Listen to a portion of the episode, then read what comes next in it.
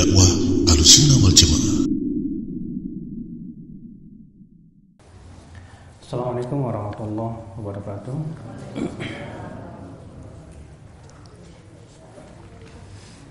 إن الحمد لله نحمده ونستعينه ونستغفره ونعوذ بالله من شرور أنفسنا ومن سيئات أعمالنا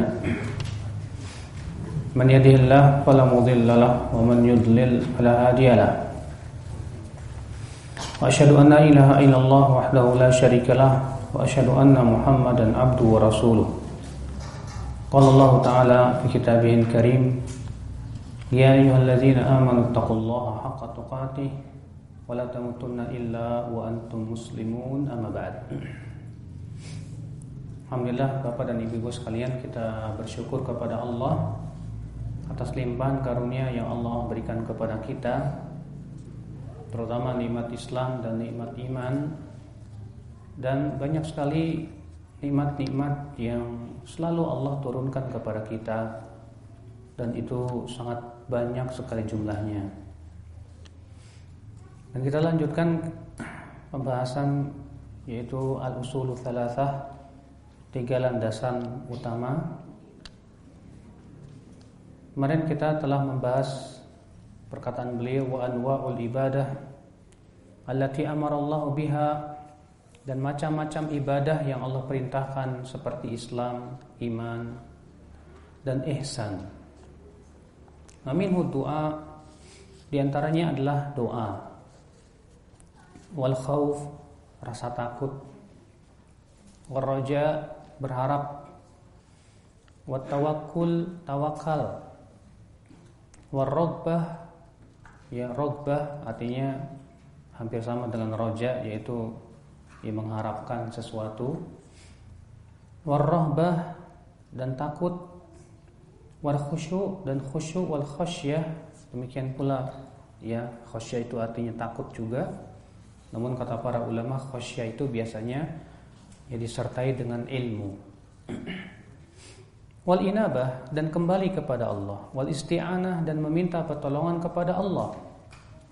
Wal isti'adah meminta perlindungan kepada Allah. Wal istighatsah dan meminta ghauf yaitu pertolongan di saat-saat genting.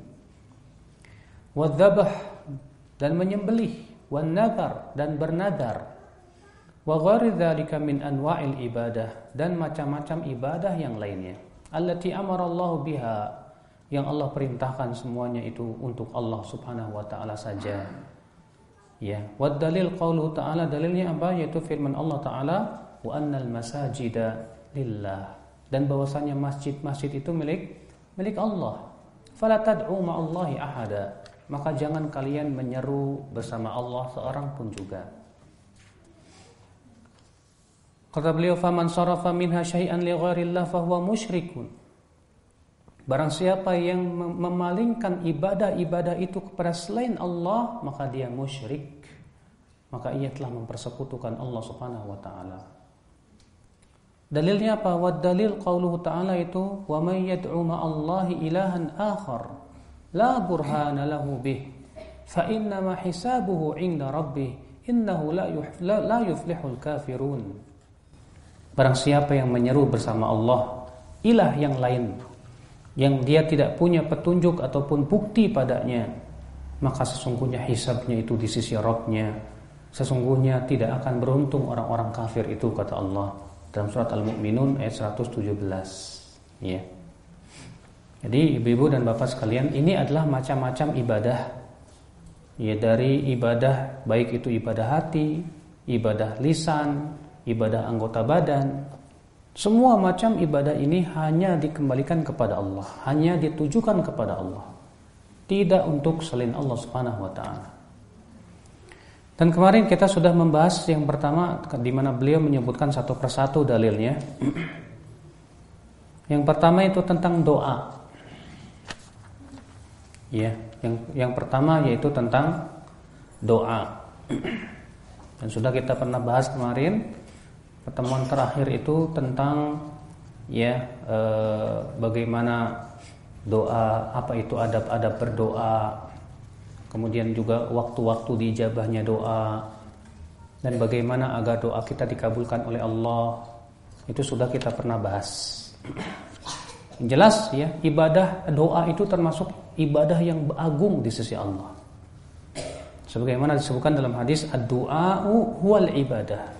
Doa itu adalah ibadah. Allah berfirman dalam surat Ghafir ayat 6, "Wa qala rabbukum ud'uni astajib lakum. Innal ladzina yastakbiruna an ibadati sayadkhuluna jahannama dakhirin." Dan berkata Rob kalian, "Berdoalah kepadaku, aku akan ijabah untukmu. Sesungguhnya orang-orang yang sombong dari berdoa kepadaku, sungguh ia akan masuk ke dalam neraka jahanam dalam keadaan dihinakan. Iya. Kemudian sekarang akan membahas yang kedua yaitu khauf, takut. Beliau mengatakan wadalilul khauf dan dalil bahwa khauf takut itu masa termasuk ibadah yaitu firman Allah dalam surat Ali Imran ayat 175. Di mana Allah Ta'ala berfirman, "Innama dzalikumu syaitanu yukhawwifu awliya'ah. Fala takhafuhum wa khafuni in kuntum mu'minin." Sesungguhnya itulah setan menakut-nakuti wali-walinya sendiri. Maka jangan kamu takut kepada mereka kata Allah, tapi takutlah kepada aku. Ya jika memang kamu orang-orang yang beriman. Ibu-ibu dan bapak sekalian, ibadah takut kepada Allah ini ibadah yang sangat agung di sisi Allah. Makanya Allah mengkhususkan para ulama ya dengan ibadah khauf ini. Khauf dengan khasyah. Khauf dan khasyah itu hampir sama ya. Allah berfirman, "Innama yakhsyallaha min ibadihi ulama." Sesungguhnya yang khasyah, yang takut kepada Allah dari hamba-hambanya siapa? Para ulama. Kenapa? Karena para ulama orang yang paling mengenal Allah. Para ulama orang yang paling tahu tentang Allah. Berarti para ulama orang yang paling takut kepada Allah Subhanahu wa taala. Ini menunjukkan ibu-ibu dan bapak sekalian untuk menimbulkan rasa takut kepada Allah berarti yang pertama kita harus mengenal siapa Allah. Coba kenali bagaimana kekuatan Allah, kebesaran Allah, bagaimana siksa Allah yang sangat dahsyat. Kalau ibu-ibu bapak melihat bagaimana gunung-gunung yang meletus mengeluarkan lava yang sangat panas sekali. Di mana lava itu saking panasnya besi baja pun leleh. Ya. Belum lagi awan panasnya yang sangat panas sekali membakar. Coba ingat kalau itu adalah ciptaan Allah di dunia yang sangat panas di mana panasnya tidak ada satupun manusia yang kuat dengannya, bagaimana dengan api neraka? Ya. Ketika Allah memperlihatkan kekuasaannya dengan Allah ya memperlihatkan musibah bencana. Seperti misalnya di Aceh tsunami. Ya. Bagaimana tsunami kekuatannya yang luar biasa. Kecepatannya yang luar biasa menghancurkan dalam sekejap semuanya. Kalau itu bagi Allah mudah, maka azab Allah dalam kehidupan akhirat lebih lebih susah lagi. Demikian akal Islam azakumullah.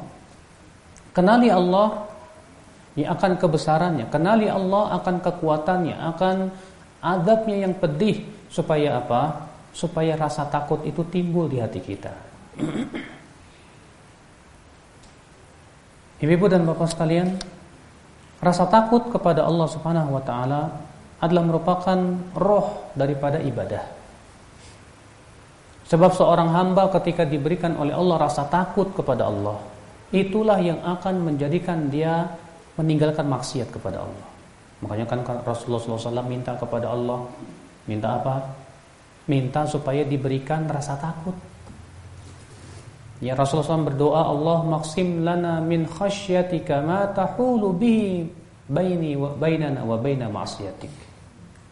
Ya Allah berikanlah kepada kami rasa takut kepada Engkau. Di mana rasa takut itu yang akan mencegah kami untuk berbuat maksiat kepada Engkau ya Allah. Karena orang yang takut kepada Allah ya akan terlihat dalam perbuatannya oh ya, orang yang takut kepada Allah akan terlihat dari pandangan matanya, akan terlihat dari tingkah lakunya, akan terlihat dari kehidupannya. Ia takut kepada Allah, ia takut dari azab Allah, maka ia tinggalkan maksiat kepada Allah. Takut kepada Allah bukan hanya sebatas berlinang air mata, Pak. Walaupun memang ya berlinangnya air mata itu sesuatu yang bagus yang menunjukkan kepada lembutnya hati kita. Tapi apakah berarti orang yang berlinang air mata ketika ia bermunajat kepada Allah disebut takut? Belum tentu. Terkadang ada orang ya berlinang air matanya tapi maksiat jalan terus.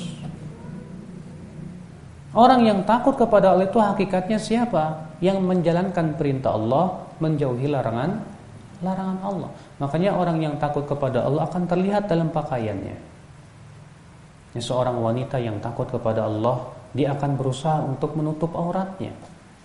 Dia tidak ingin auratnya terlihat oleh ya laki-laki tidak mau dia. Akan terlihat Bapak sekalian, ya orang yang takut kepada Allah dalam makannya, dia tidak ingin makan yang haram. Dia berusaha untuk berhati-hati dalam makan masalah makanan. Jangan sampai ada yang haram masuk ke dalam perutnya. Itu orang yang takut kepada Allah Subhanahu wa taala. Orang yang takut kepada Allah ya akan terlihat dalam berbicaranya. Dia tidak ingin mengucapkan kata-kata yang dimurkai oleh Allah Subhanahu wa taala. Walaupun itu dalam bercanda sekalipun dia tidak ingin dimurkai oleh Allah. Makanya Rasulullah bercanda tapi Rasulullah bercanda dalam perkara yang jujur. Ya. Ibu-ibu dan bapak sekalian. Yang jelas ya, rasa takut kepada Allah itu sesuatu yang sangat kita butuhkan dalam kehidupan kita. Takut, cinta, dan berharap adalah motor penggerak hidup kita dalam kehidupan dunia ini. Ya. Namun kata beliau, wal khawfu min Allah taala yakunu mahmudan wa yakunu ghairu ghairu mahmud. Tapi kata Syekh Muhammad bin Shalih Utsaimin rahimahullah, takut kepada Allah itu terkadang terpuji dan terkadang tidak terpuji. Ya. Fal mahmud, adapun yang terpuji yang seperti apa? Maka ghayatuhu an yahula bainaka wa baina ma'siyatillah bihaitsu yahmiluka ala fi'lil wajibat wa tarkil muharramat. Takut yang terpuji itu kata beliau yang bisa mencegah kamu dari berbuat maksiat kepada Allah. Takut yang terpuji itu kata beliau yang bisa memberikan kekuatan kepada kita melaksanakan ketaatan, menjauhi kemaksiatan. Nah, itu namanya takut yang terpuji, Pak. Ya. Maka kata beliau fa idza hasalat hadil ghayah kalau ternyata rasa takut ini ada pada diri kita, sakanal qalbu, maka hati kita akan tenang, watma'anna wa ghalaba 'alail farah bi ni'matillah. Dia akan tentram hatinya. Bahkan dia akan gembira dengan kenikmatan-kenikmatan Allah yang Allah berikan kepada dia. Ini takut yang terpuji. Ya tapi ada takut kepada Allah yang tidak terpuji. Yang seperti apa? Kok ada ya takut kepada Allah yang tidak terpuji itu Pak? Apa itu kata beliau? Ma yahmilul abda 'alal ya's min rauhillah wal qunut. Wa hina idzin yatahassar al-'abd wal yankamish Rubbama yatamada fil ma'siyah. Yaitu takut kepada Allah yang menyebabkan si hamba itu putus asa dari rahmat Allah. Saking takutnya kepada Allah, aduh, adab Allah keras. Akhirnya apa? Dia pun berputus asa dari rahmat Allah. Kayaknya Allah nggak ngampuni dosa saya deh. Mungkin saya ini sudah terlalu banyak dosa saya. Sepertinya Allah tidak akan ampuni lagi dosa saya. Akhirnya apa yang terjadi? Karena dia sudah merasa putus asa, malah semakin menjadi-jadi berbuat maksiat. Adalah mungkin Allah takdirkan saya berbuat maksiat kali. Takdirkan Allah saya penduduk api neraka lah sekali, ya kali ah, udahlah daripada nanti di akhirat sengsara, mendingan di dunia nikmat-nikmat dulu deh. Ya. Kadang ada orang begitu, Pak. Wasallam Ini namanya takut yang tercela. Kenapa? Karena takut itu malah menimbulkan rasa apa? putus asa dari rahmat Allah Subhanahu wa taala. Ini tercela sekali. Ya. Kemudian akhwat Islam merasa takut secara umum ya. Rasa takut secara umum ada tiga macam kata Syekh Muhammad bin Shalih Utsaimin rahimahullah. Kalau tadi kan takut kepada Allah. Takut kepada Allah ada dua macam. Ada yang terpuji, ada yang tercela. Yang terpuji apa? Yaitu rasa takut yang menyebabkan kita meninggalkan maksiat, menjalankan perintah-perintah Allah. Yang kedua apa? Hah? Rasa takut yang menyebabkan kita berputus asa dari rahmat Allah Subhanahu wa taala. Nah, sekarang kita hendak berbicara tentang takut itu sendiri. Nah, kalau misalnya kita takut kepada selain Allah bagaimana? Ketahuilah, kalau takut kepada selain Allah ada tiga ada tiga keadaan. Takut kepada selain Allah ada tiga keadaan. Ada atau ada tiga macam. An-naw'ul awal, macam yang pertama khaufun tabi'i. Takut yang bersifat tabiat manusia. Takut yang bersifat apa? Tabiat. Contohnya apa? Antum takut sama yang gelap-gelap, ih serem. Yang namanya serem-serem itu kan takut orang tua. Ya, ih takut saya sama pocong gitu kan. Kenapa? Karena mungkin di pikiran kita pocongan tuh menyeramkan. Gitu kan. Takut sama ular, takut sama, nah seperti ini takut-takut yang lumrah. Jangankan kita, Nabi Musa alaihissalam saja ya ketika Allah menyuruh Nabi Musa Hai Musa lemparkan tongkatmu itu. Dilemparkan. Apa yang terjadi? Faidah ya tahtazzu ka'annaha jan. Tiba-tiba tongkat itu bergerak-gerak. Seakan-akan ia jin kata Allah. Apa yang terjadi? Walla mudbira walam yu'aqib. Nabi Musa pun lari terbirit-birit. Nabi Musa aja lari terbirit-birit. Iya. Berarti kalau yang namanya takut dengan sesuatu yang menyeramkan, yang ini gitu kan. Kalau kita jalan tahu-tahu ada orang hitam gede, takut. Eh lumrah. Takut kepada singa, lumrah. Takut kepada ular, lumrah. Seperti ini ya, kata para ulama ya tidak termasuk takut yang apa namanya ya dilarang nggak masalah. Karena itu adalah merupakan perkara yang sifatnya apa? Tabiat manusia. Iya. Demikian pula Nabi Musa alaihissalam ketika mendengar beliau akan di diancam akan dibunuh oleh Firaun. Apa yang apa kata Allah? Fa asbaha fil madinati khaifan yatarqab. Maka di waktu pagi Nabi Musa ketakutan beliau. Nah, ini namanya takut yang sifatnya apa? Tabiat. Macam yang kedua, takut kepada selain Allah yang disebut dengan khauful ibadah. Khauf ya. Yang disebut dengan khauf ibadah, takut tapi sifatnya ibadah. Artinya kita mempunyai keyakinan bahwa sesuatu itu bisa memberikan manfaat dan mudarat. Kata beliau khauful ibadati an yakhafa ahadan yata'abbad bil khaufilah. Takut ibadah itu artinya seseorang takut kepada sesuatu dan ia beribadah kepadanya. Yakunu. Maka yang seperti ini tidak boleh kecuali hanya kepada Allah saja. Iya. Adapun yang ketiga an-nau'u Apa itu khaufus sir? Takut yang tersembunyi kata beliau. Ka'an yakhaf sahibal qabr aw waliyan ba'idan anhu la yu'athir fihi lakinnahu yakhafu makhafata sir. Seperti orang yang takut kepada kuburan. Kenapa? Karena dikhawatirkan di kuburan akan memberikan keburukan kepada dia. Ah, takut kesambet misalnya. Atau misalnya kita suka ngomong, ah, hati-hati jangan di kuburan wali fulan nanti kualat loh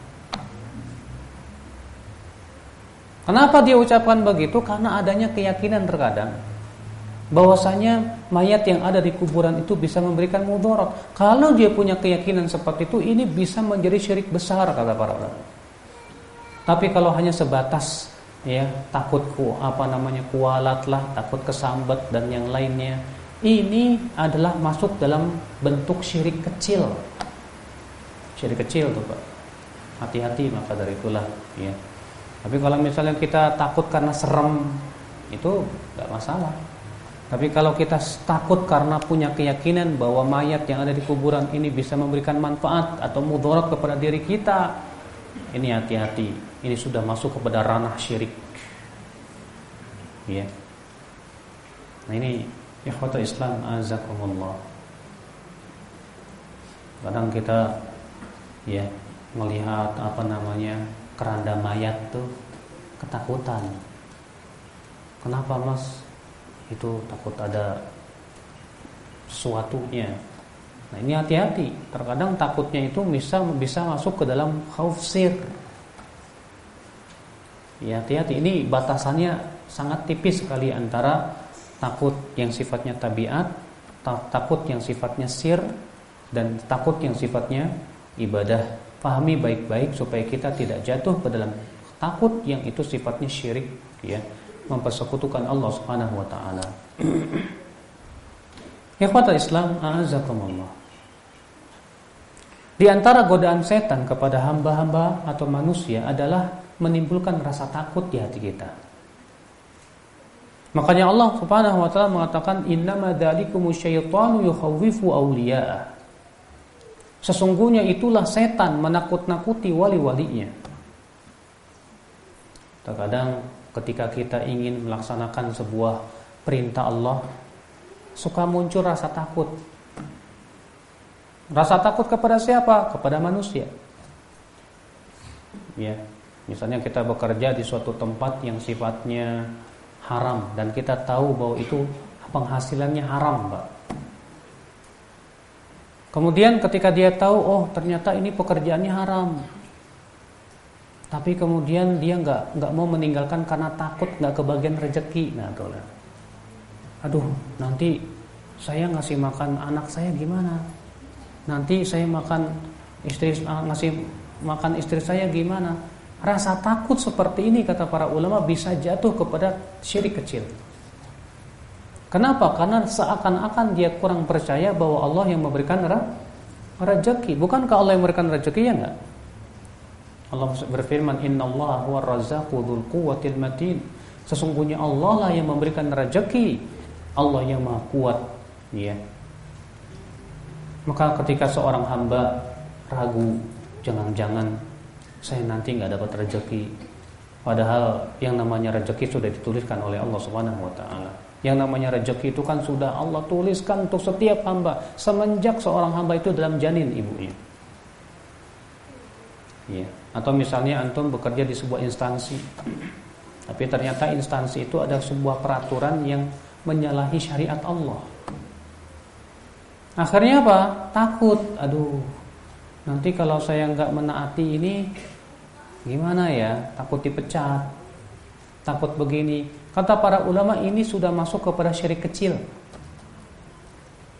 Kenapa? Karena dia lebih takut kepada selain Allah daripada kepada kepada Allah. Seakan-akan dia menganggap bahwasannya ya eh, apa namanya sesuatu itu akan bisa memberikan mudarat selain Allah.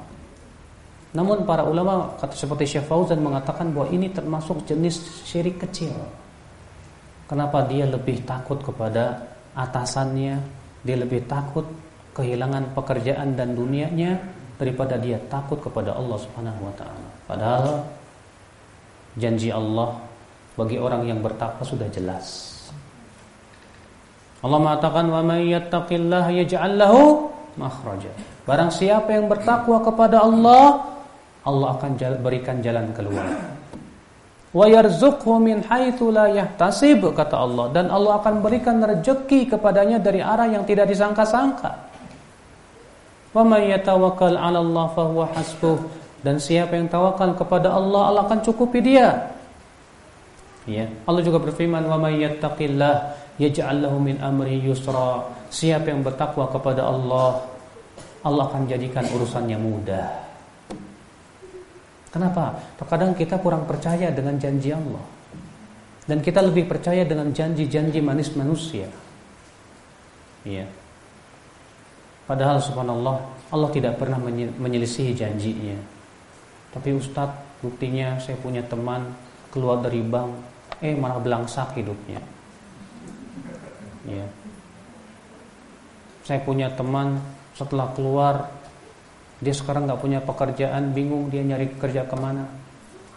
Kita katakan akhi, bisa jadi Allah berikan dulu musibah untuk dia dalam kehidupan dunia dalam rangka menggugurkan dosa-dosa dia yang telah lalu. Dia dulu makan riba enak. Dia juga bertransaksi dengan riba. Setelah dia keluar dari bank tahu-tahu diberikan oleh Allah ujian, ujian, ujian. Tujuan Allah adalah ingin menghapus dulu dosa-dosa dia. Bisa jadi tidak? Ya, bukankah Allah Taala berfirman Rasulullah SAW bersabda, "Ya idza aradallahu bi 'abdin khaira, ajalalahul uqubata fid dunya. Apabila Allah menginginkan kebaikan kepada seorang hamba, Allah akan percepat siksanya atau sanksinya di dunia ini. Disebutkan dalam riwayat Muslim bahwa ada seorang laki-laki pernah uh, bertemu dengan seorang sahabiat. Iya. Lalu eh riwayat Imam Hakim, ah, bukan Muslim, riwayat Al Hakim dalam Mustadraknya Pokoknya sahabat ini tadinya dulu sebelum masuk Islam juga dulu itu sebelum masuk Islam dia seorang pelacur. Dan sahabat laki-laki ini sudah kenal siapa wanita ini. Di pas di jalan dia pun menggoda wanita tersebut. Kata si wanita ini mah, ya jangan begitu. Qad ja'anallahu bil Islam. Allah sudah membawa kita kepada Islam. Kita bukan lagi di masa jahiliyah. Si laki-laki ini pun langsung ingat lalu dia pun pergi. Kemudian laki-laki ini menengok, ya, menengoki lagi si wanita tersebut, ditengoki saja sambil berjalan. Pas pas apa namanya menengok lagi tahu-tahu tembok jebot aja. Ya. Sakit rupanya jidatnya itu. Akhirnya dia pun melapor ke Rasulullah tentang kejadian itu. Apa kata Rasulullah? anta mimman aradallahu bika khaira. Kamu masih diberikan diinginkan kebaikan oleh Allah. Iya. Kamu masih diinginkan kebaikan oleh oleh Allah. Kenapa? Setelah dia berbuat maksiat langsung di dibalas jedot dia. Kenapa? Kena tembok. Demikian pula kalau ada orang keluar dari bank tahu-tahu dikasih ujian. Istrinya kena kanker lah, anaknya kena kanker loh atau yang lainnya itu sebetulnya Allah inginkan kebaikan buat dia Allah ingin gugurkan dulu dosa-dosa dia digugurkan dulu sampai bersih baru kemudian Allah berikan kepada dia kenikmatan sedikit demi sedikit dan itu banyak yang seperti itu Pak makanya jangan takut orang yang takut seakan-akan dia menganggap aduh kalau saya begini nanti saya dapat uang dari mana saya ngasih makan dari mana saya katakan ini syirik kecil. Kenapa? Karena seakan-akan dia kurang yakin bahwa Allah yang memberikan rezeki kepada dia. Seakan-akan dia kurang yakin dengan janji-janji Allah dalam Al-Quran Karim. Yakinlah dengan janji Allah Pak. Pasti Allah akan berikan rezeki. Selama jiwa itu masih hidup, rezeki itu akan terus mengalir. Ya. Kata Rasulullah innahu lan tamuta lan tamuta nafsun hatta yastawfiya rizqah. Suatu jiwa itu tidak akan meninggal sampai rezekinya selesai. Kalau rezekinya selesai ya meninggal kan begitu. Selama dia masih ada umur, rezeki akan terus datang. Nah ini terkadang akhi ya, setan itu menggunakan cara menakut-nakuti agar manusia itu tidak menaati Allah Subhanahu wa taala. Ketika kita mau berinfak ditakut-takuti oleh setan. Nanti kalau kamu berinfak kamu bakalan miskin dan yang lainnya. Makanya Allah taala berfirman apa? Ya. Yang disebutkan asyaitanu ya'idukumul faqra wa ya'murukum bil fahsya.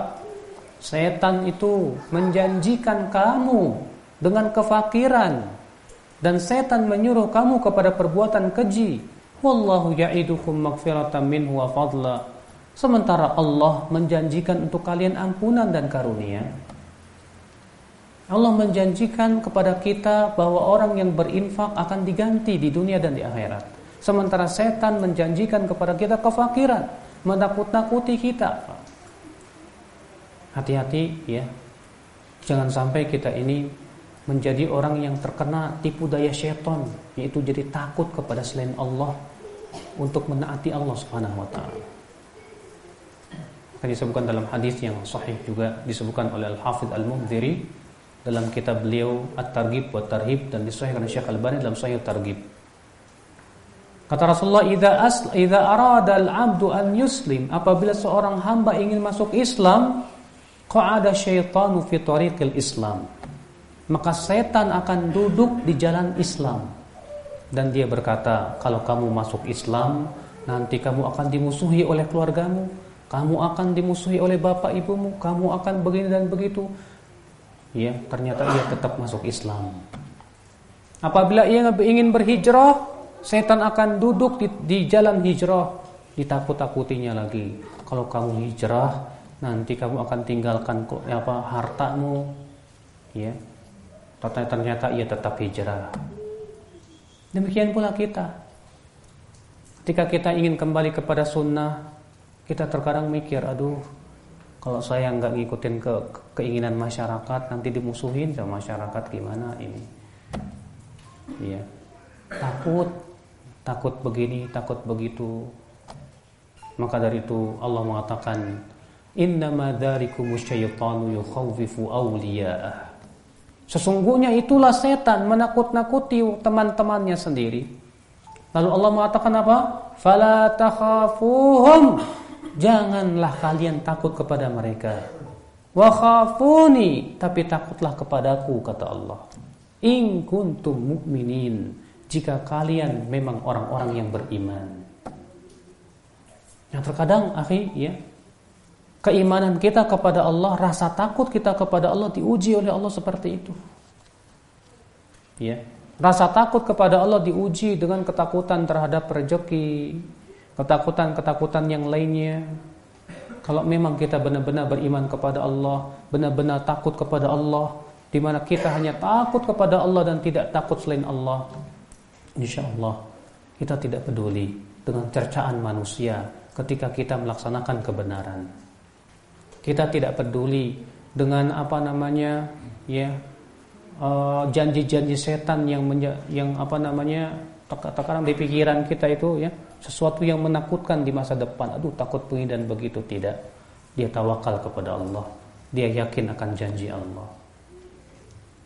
Ini akal Islam azakumullah.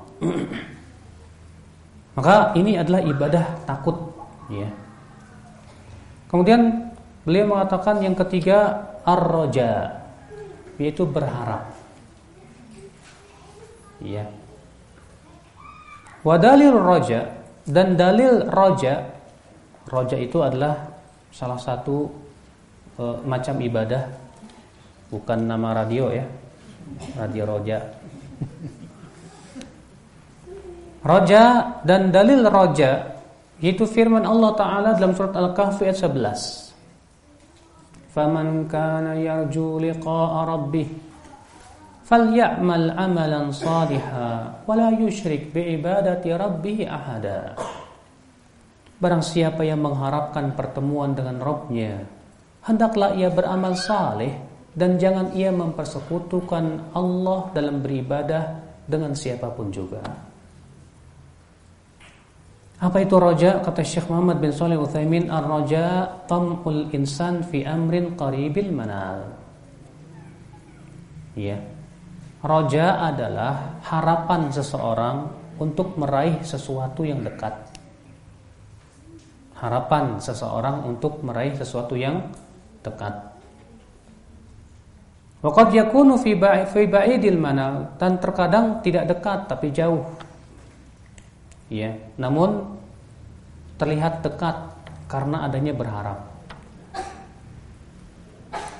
Dan berharap itu Pak adalah perkara yang menjadikan kita itu bergerak dalam kehidupan kita. Makanya kata Ibnu Qayyim, cinta dan berharap itu motor penggerak kehidupan manusia.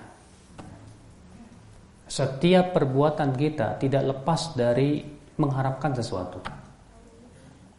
Tapi ibu-ibu dan bapak datang kemari ngapain? Ada harapan nggak? Harapannya apa? Harapannya ingin mendapat ilmu, ingin mendapat ridho Allah. Itulah yang menggerakkan kita. Ya.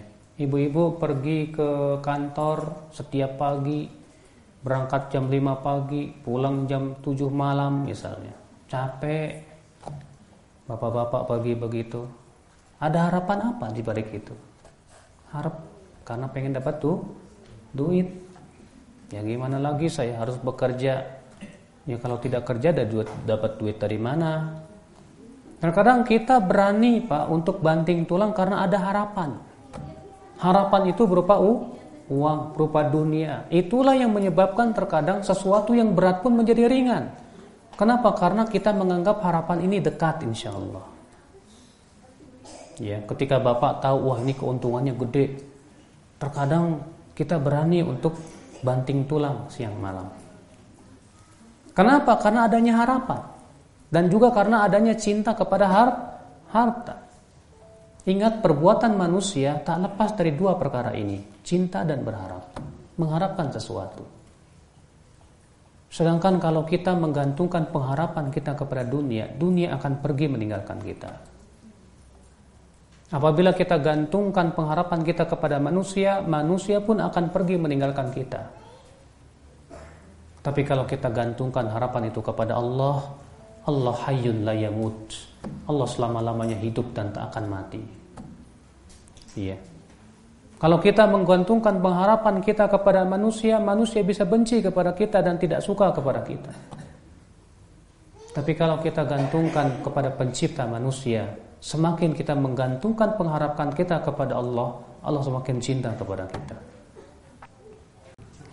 Kita lanjutkan ibu-ibu dan bapak sekalian, ya. Makanya dalam kehidupan dalam Islam, rasa berharap itu hendaklah betul-betul hanya kepada Allah dan kehidupan akhirat saja.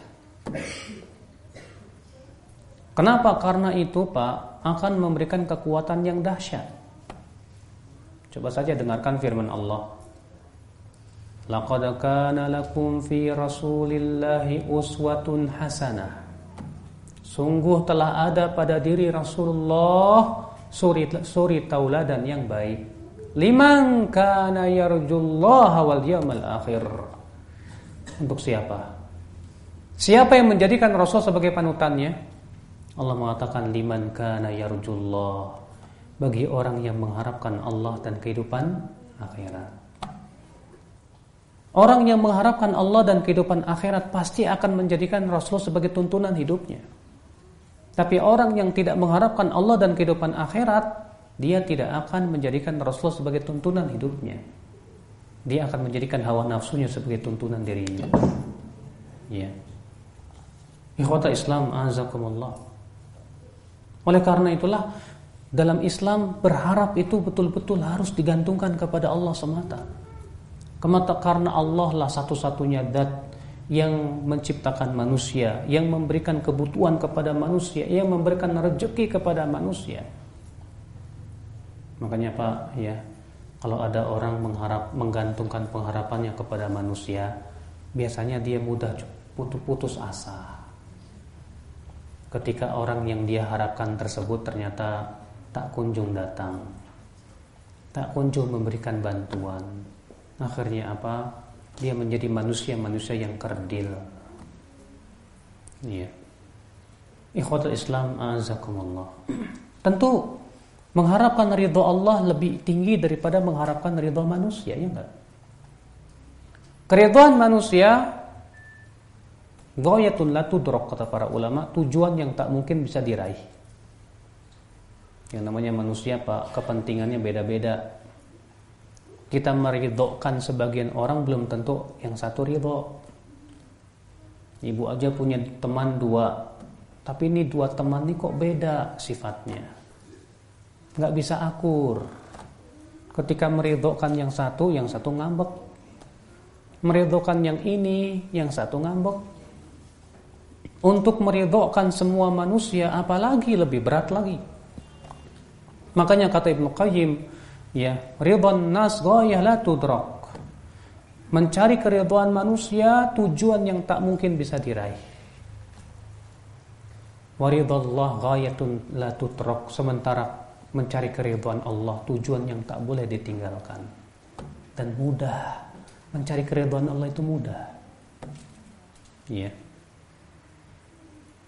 Akhul Islam azakumullah.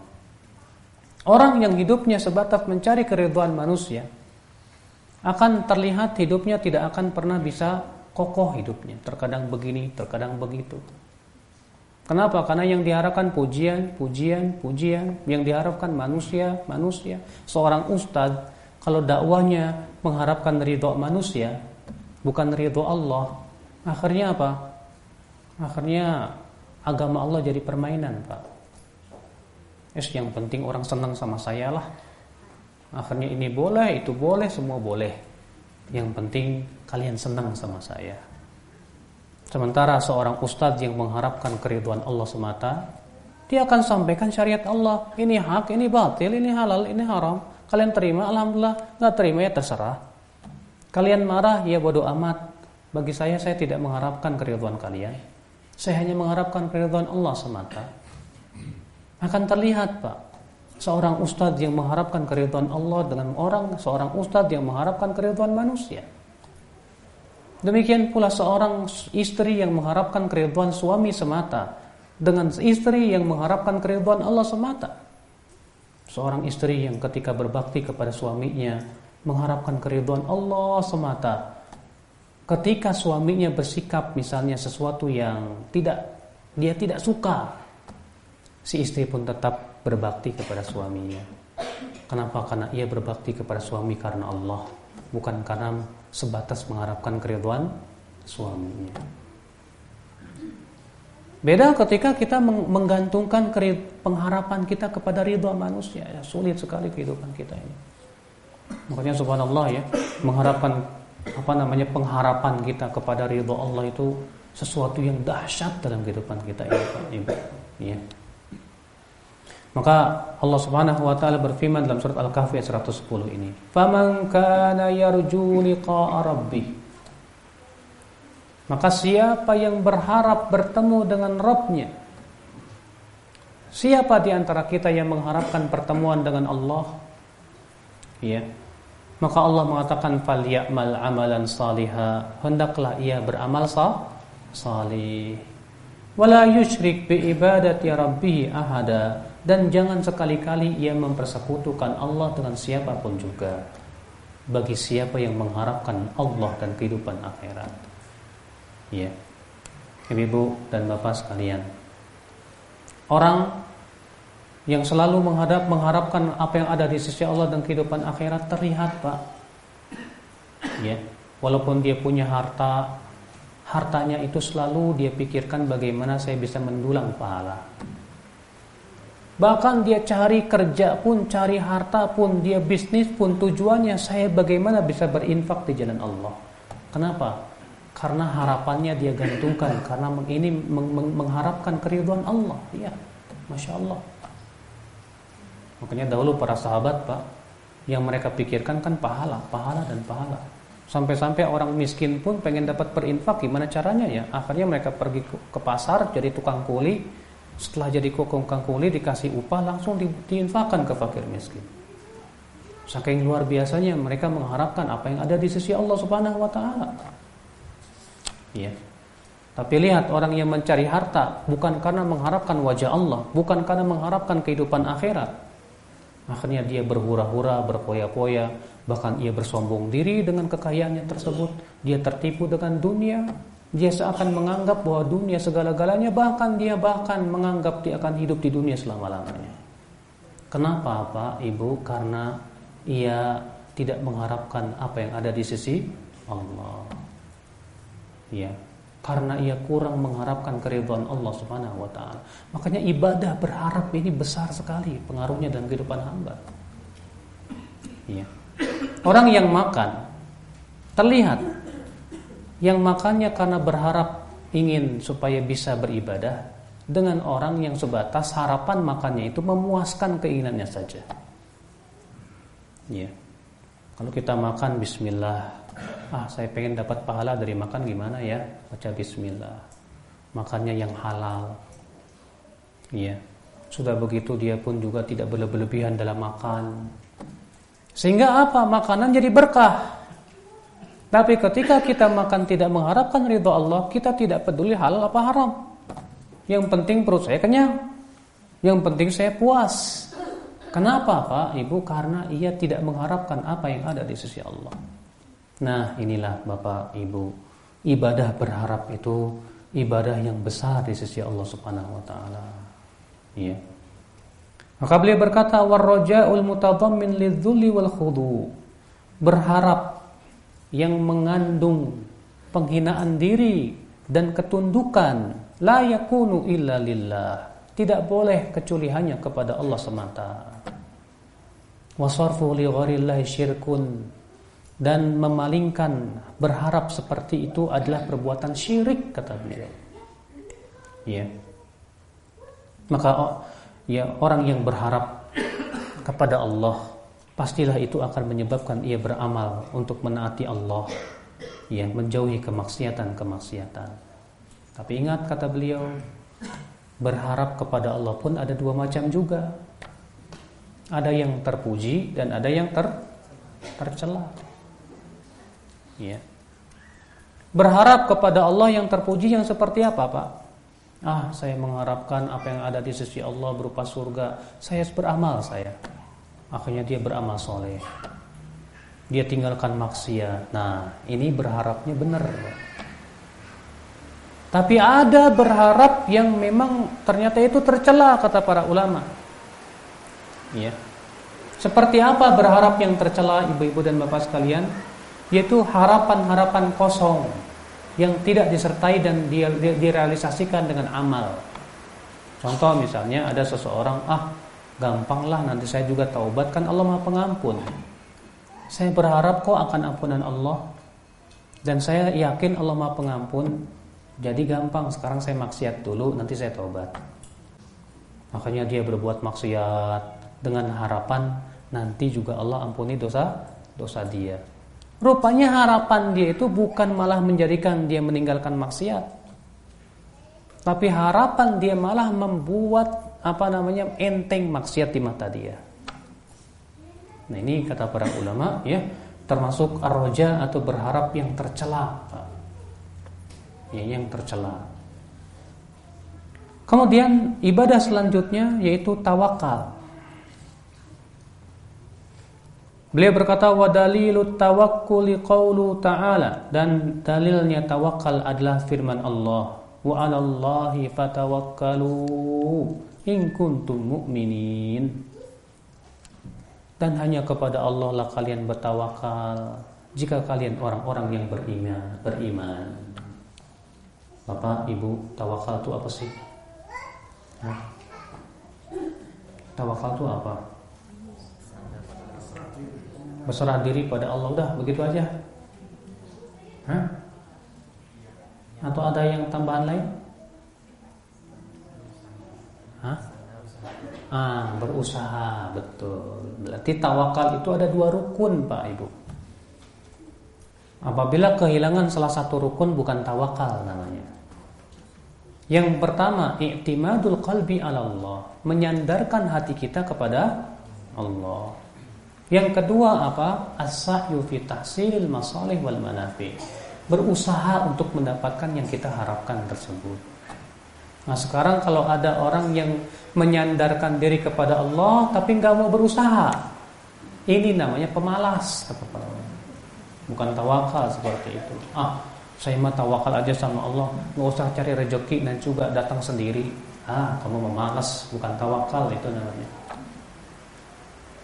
Dan siapa yang berusaha tapi tidak menyandarkan hatinya kepada Allah, maka ia syirik. Maka ia apa? Syirik. Maka disebut tawakal apabila memenuhi dua syarat, dua rukun ini. Yang pertama, sandarkan hati kita kepada Allah. Ketika kita buka toko, ya Allah, aku sandarkan semuanya kepada Engkau.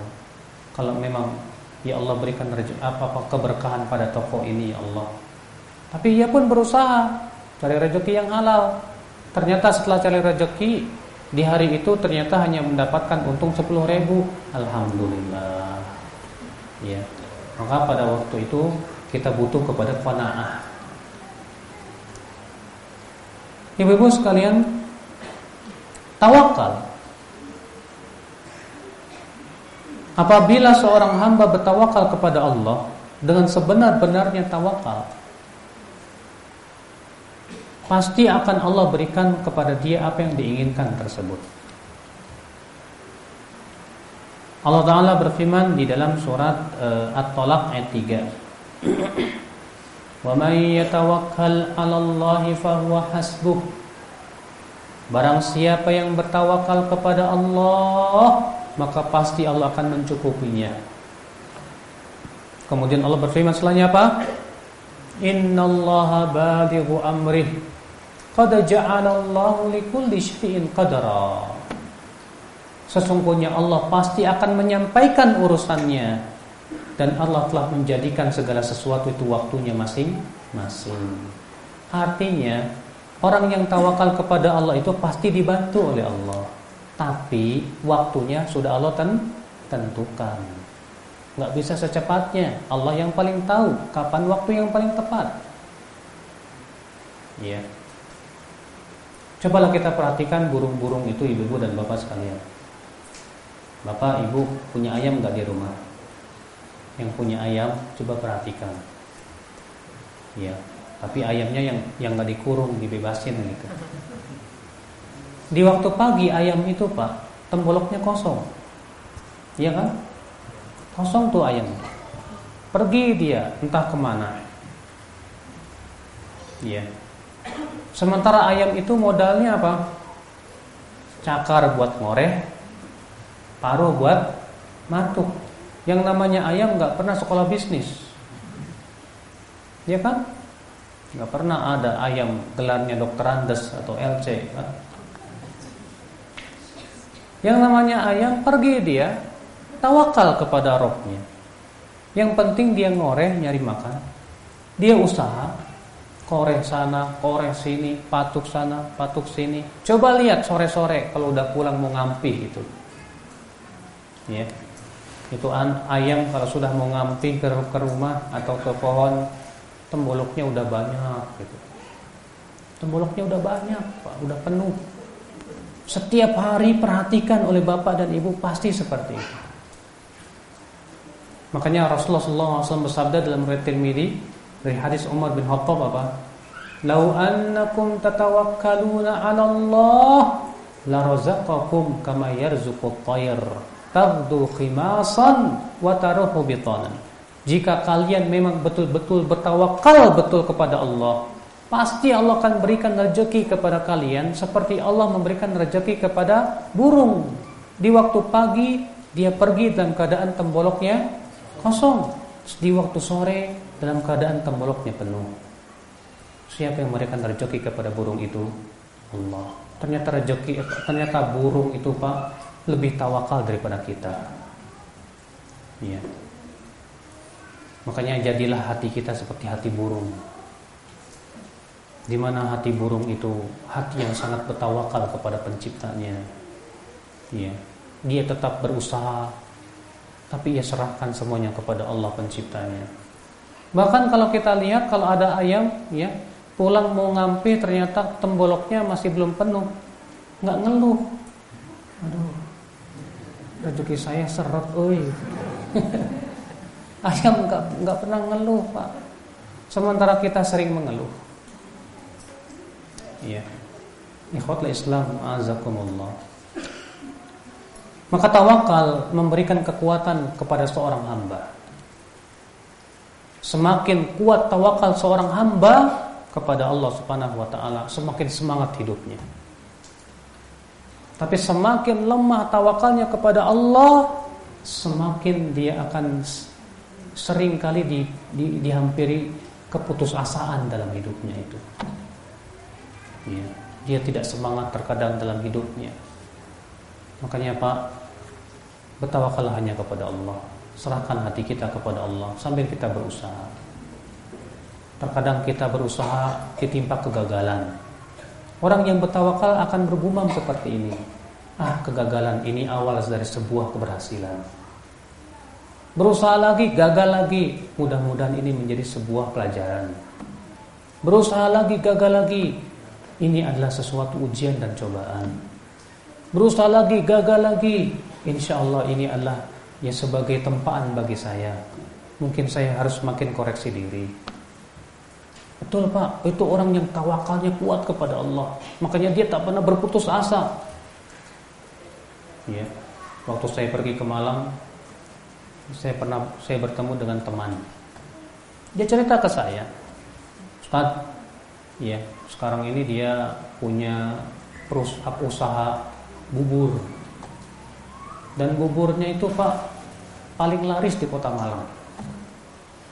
Itu buburnya Masya Allah Sampai kata dia omzet saya per tahun itu bisa semiliar lebih Ustaz Dari bubur aja Padahal dulu dia, saya waktu tahun berapa pernah datang ke Malang, ya, jualan bubur itu pinggir jalan pakai gerobak, Pak. Dia bilang saya 15 tahun jatuh bangun, Ustaz. Setiap kegagalan saya pelajari, kenapa ini? Setiap gagal saya pelajari, tapi saya tidak putus asa terus, walaupun memang sempat putus asa juga sama Allah tadi. Tapi saya coba lagi, coba lagi, alhamdulillah ternyata Allah berikan kepada dia kekuatan. Nah, memang demikian. Tawakal itu memberikan kekuatan pada seorang hamba untuk tidak putus asa, untuk terus berusaha, berusaha dan berusaha. Itulah orang yang tawakal kepada Allah Subhanahu wa taala. Ya. Ikhwata Islam, azakumullah. Namun kata Syekh Utsaimin tawakal itu ada empat macam. Tawakal ada empat macam. Wa'lam anna tawakkula anwa'un Ketahuilah bahwa tawakal itu ada beberapa macam, itu ada empat. Al-awwal at-tawakkulu 'ala Allah. Yang pertama yaitu tawakal kepada Allah. Wa huwa min tamamil iman wa alamati sidqihi. Ini menunjukkan kesempurnaan iman seorang hamba, bahkan tanda kejujuran iman seorang hamba itu adalah tawakal kepada Allah. Iya. Asani, adapun yang kedua, macam dari tawakal, tawakulus sir, tawakal tersembunyi, ya, kepada selain Allah. Bi an ya'tamida ala mayyitin fi jalbi manfaatin au daf'i madarratin. Yaitu seseorang menyandarkan hatinya kepada mayat yang sudah mati untuk mendatangkan manfaat atau menolak mudarat. Maka ini syirik besar bukan syirik kecil. Ini syirik besar yang bisa membatalkan seluruh amal. Bahaya. Ada orang datang ke kuburan lalu ia pun menyandarkan hatinya kepada Syekh Fulan kemudian ya dia pun meyakini bahwa Syekh Fulan ini bisa memberikan rezeki kepada dirinya yang seperti ini kata para ulama adalah syirik besar. Ya. Asalis macam yang ketiga. At-tawakkul 'ala al-ghair fi ma yatasarraf fihi al-ghair ma'a syu'ur bi'uluwi martabatihi wa inhitatil mutawakkal anhu. Tawakal dalam artian menyerahkan diri kita kepada orang lain. Ya menyandarkan diri kita kepada orang lain dengan perasaan bahwa orang tersebut lebih tinggi dari diri kita dan punya kemampuan dari diri kita seperti orang yang menyerahkan masalah kehidupan dia mata pencahariannya kepada orang lain. Fahada nau'un minasyirkil asghar. Maka yang seperti ini bisa masuk kepada syirik ke kecil. Liquwati ta'alluqil qalbi bihi wal i'timadi alaih. Karena saking kuatnya hatinya itu bergantung kepada orang tersebut. Kalau dia memang betul-betul hanya menggantungkan kepada si fulan, wah gimana kalau si fulan nggak ada ya, nanti rezeki saya gimana? Nah, ini sudah hati-hati nih, sudah masuk kepada ranah si syirik. Waduh gimana lah kalau nggak ada, kalau si fulan begini, ah, jangan, jangan sampai seperti itu. Ya. Ar-Rabi yang keempat kata beliau, At-tawakkul 'ala al-ghair fi ma yatasarrafu al-mutawakkil bihaitsu yunibu ghairu fi amrin tajuzu fi niyabah. Tawakal dalam artian mewakilkan orang lain dalam suatu permasalahan dunia yang memang dia mampu untuk melakukannya. Misalnya begini, Mas, saya wakilkan deh kamu untuk menjualkan mobil saya, tolong ya urus perjualan mobil saya. Kamu sebagai wakil saya Ya udah saya serahkan sama kamu.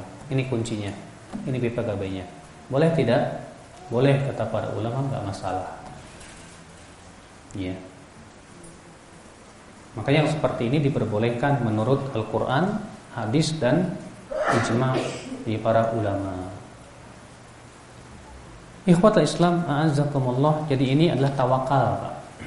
Coba setiap kita bertanya, tawakal kita kepada Allah sudah sampai mana nih? ya di dalam mencari kehidupan kita di dalam menuntut ilmu kita di dalam aktivitas kita kehidupan sehari-hari. Tentu setiap kita insya Allah mungkin kitalah yang paling tahu tentang diri kita. Tapi tanya kepada diri kita sudah sampai mana ya rasa percaya kita kepada Allah? Sudah sampai mana keyakinan kita kepada Allah? Lihat Nabi Ibrahim alaihissalatu wassalam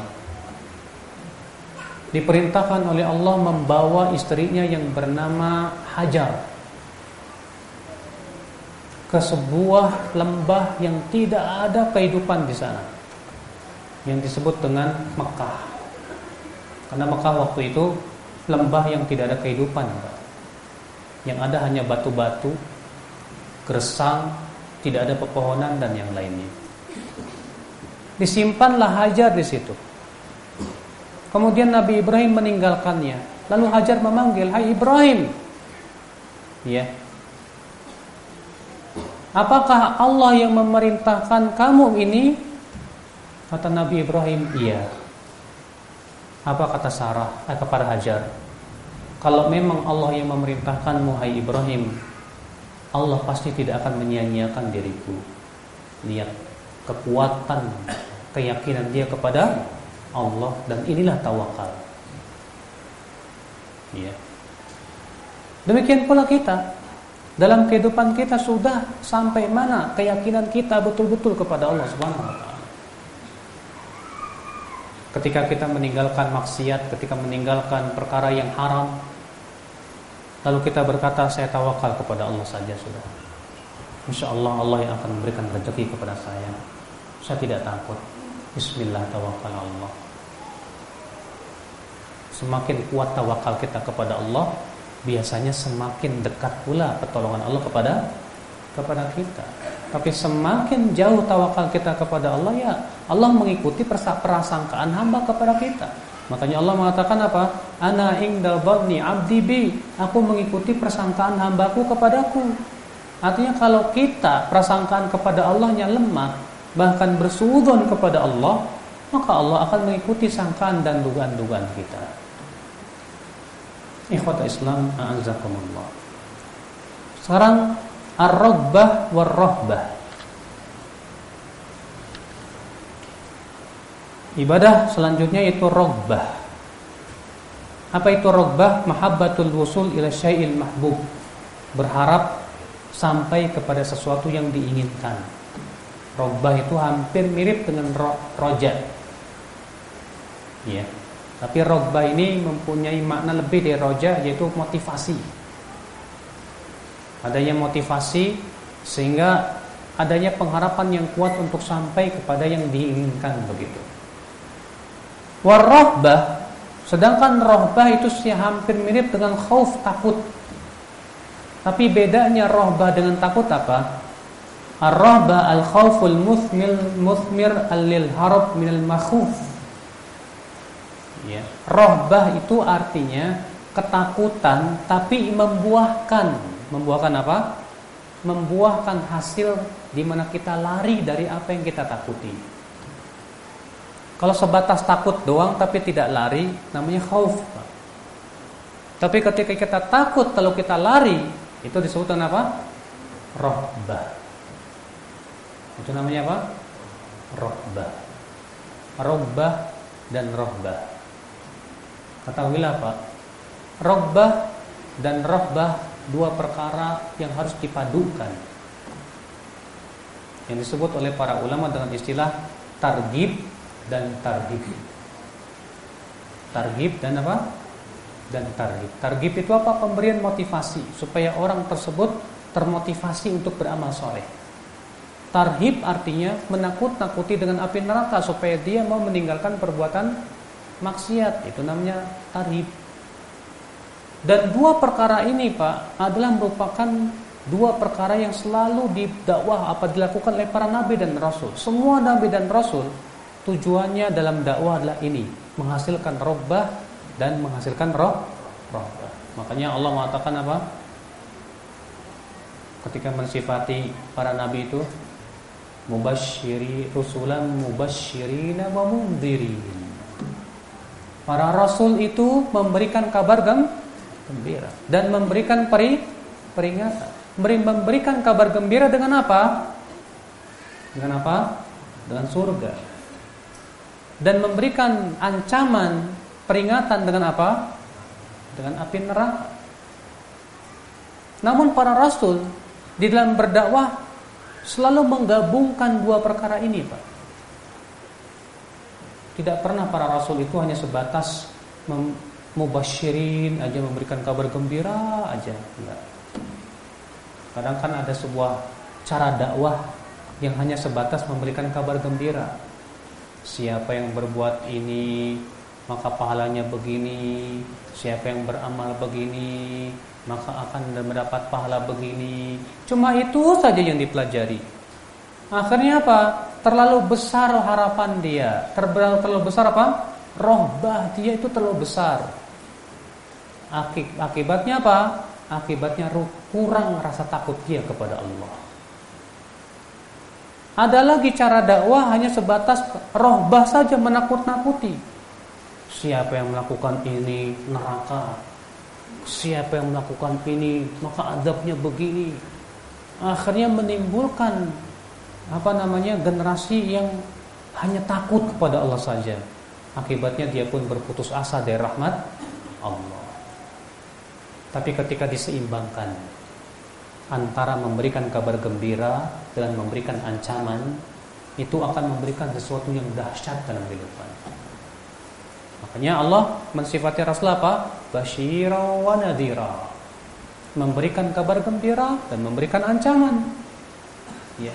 Dalam pendidikan, Pak, dalam pendidikan memberikan kabar gembira dan ancaman itu penting. Ya. Kepada anak kita berikan kabar gembira. Nah, kalau kamu bisa apa, nak? Nanti ayah akan kasih hadiah. Untuk memberikan apa? Menimbulkan apa? Motivasi. Tapi juga terkadang kita ancam ya tapi harus seimbang pak porsinya pak supaya tidak menimbulkan pendidikan yang salah. Maka dari itu ikhwat Islam ma'azakumullah ar-rahbah war-rahbah dua perkara yang sangat dibutuhkan dalam kehidupan seorang hamba. Ketika diberikan targib-targib kita menjadi semangat. Coba aja. Kalau antum mendengar tentang keindahan surga uh bidadarinya cantik-cantik rumahnya batu batanya terba, terbuat dari emas dan perak. Ya dan pasir yang ada depan rumah surga itu terbuat dari apa? Intan permata. Ya. Keindahan surga yang luar biasa biasanya akan timbul memotivasi. Wah saya pengen masuk surga. Saya beramal soleh. Sekarang baca neraka. Uh menakutkan sekali. Adabnya yang sangat keras, apinya yang sangat panas. Di mana hidupnya di, di, di api neraka itu la yamutu fiha wala yahya, tidak hidup dan tidak mati. Kullama nadijat juludum badalnahum juludan ghairaha. Setiap kali ya kulitnya sudah terkelupas kalau gantikan lagi dengan kulit yang baru. Uh, mengerikan. Akhirnya apa? Menimbulkan takut. Nah, kalau ini dikabungkan Pak, maka akan menjadi seorang hamba yang sempurna. Inilah robbah dan robbah. Iya. Kemudian akhwat Islam azakumullah ibadah selanjutnya yaitu al khusyuk. Ibadah selanjutnya apa? Al khusyuk. Robbah, rohbah dan khusyuk ini ditunjukkan dalam sebuah ayat dalam surat Al-Anbiya ayat 90. Allah Ta'ala berfirman, Innahum kanu yusari'una fil khairat wa yad'unana raghaban wa rahaba wa kanu lana khashi'in.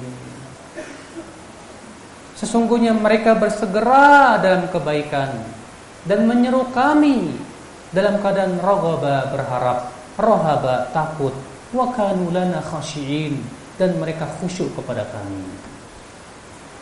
Iya. Apa sih khusyuk itu, Pak? Asal khusyuk itu artinya adzul wa taqamun li.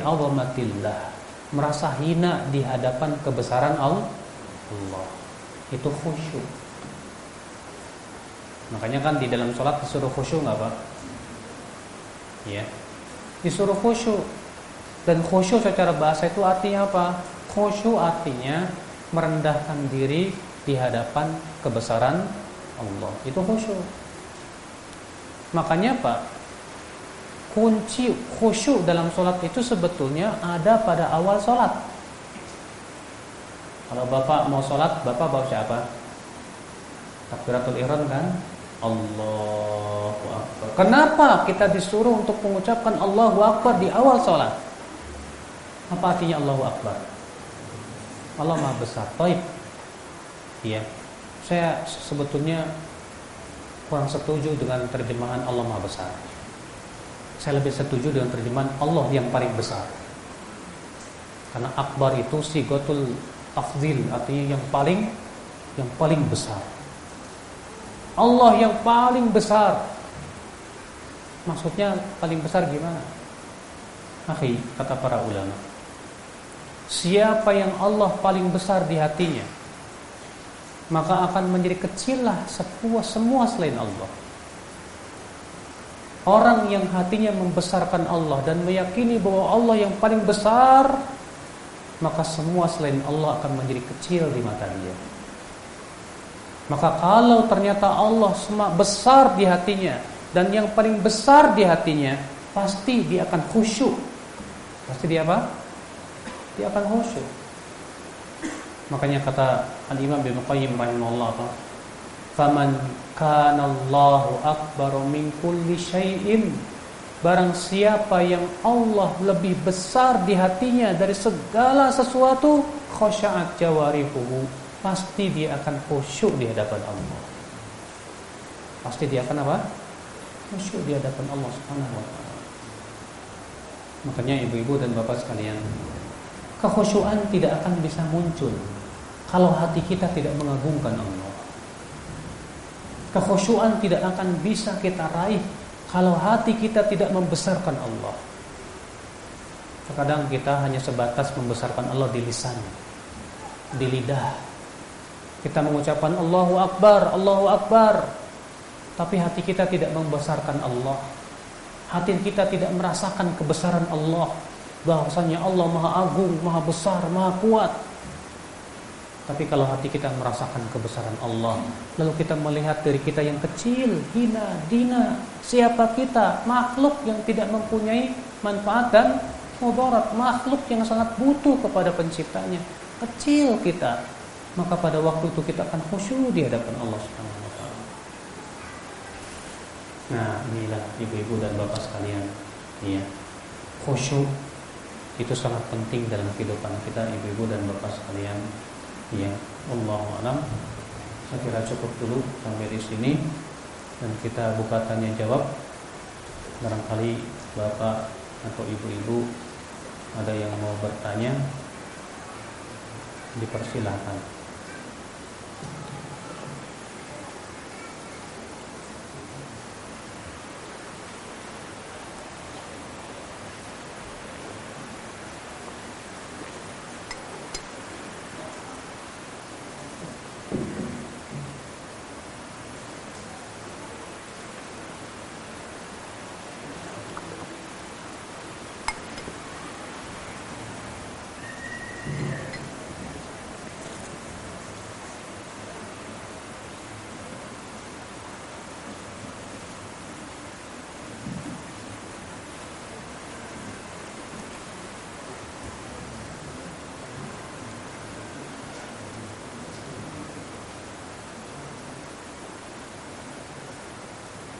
Apakah disebut syirik ketika kita takut sama pemerintah kemudian kita menjalankan peraturannya?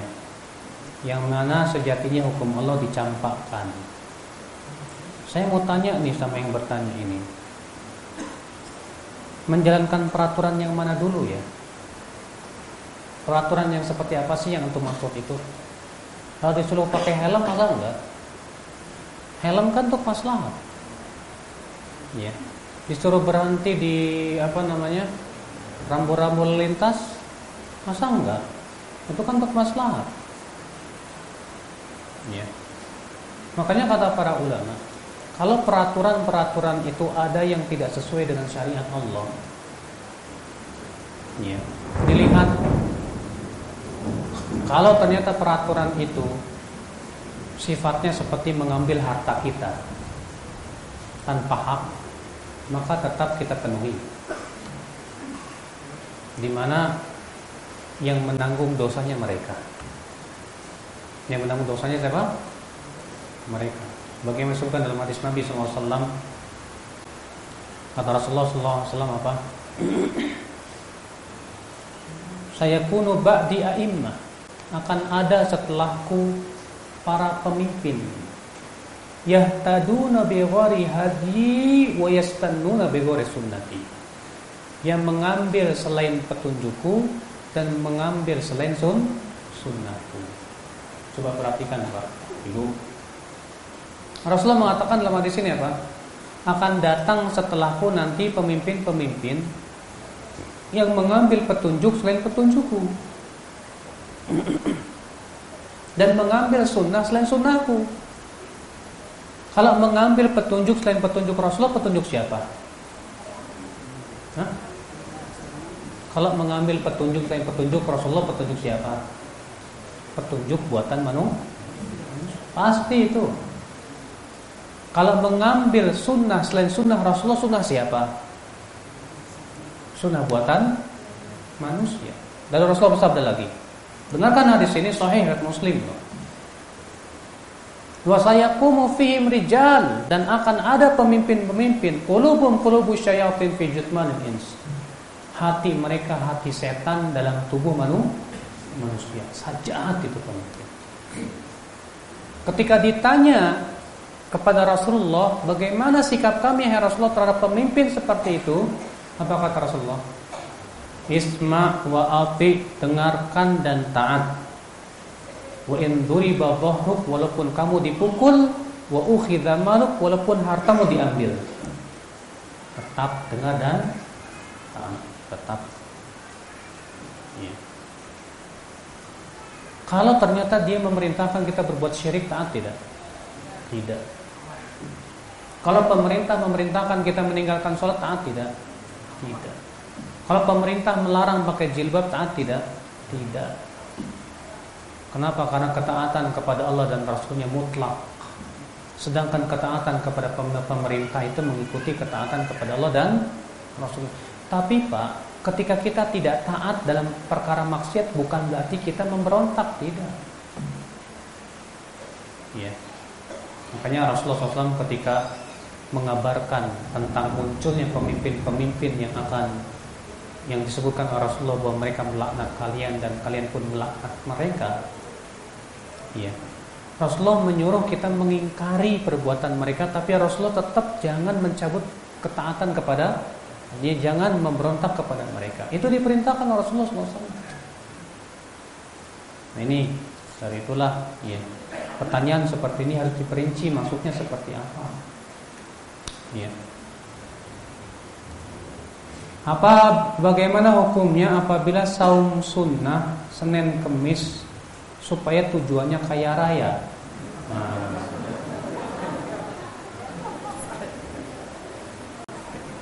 Allah Ta'ala berfirman dalam surat Hud ayat 15 16 Faman kana yarju liqa'a faman kana yuri man kana yuridul hayatad dunya wa zinataha Barang siapa yang menginginkan dunia dan perhiasannya Nuwaffi ilaihim a'malahum fiha Kami akan berikan apa yang ia inginkan dari amalannya tersebut Wahum fiha la dalam keadaan tidak tidak dirugikan, tidak dikurangi.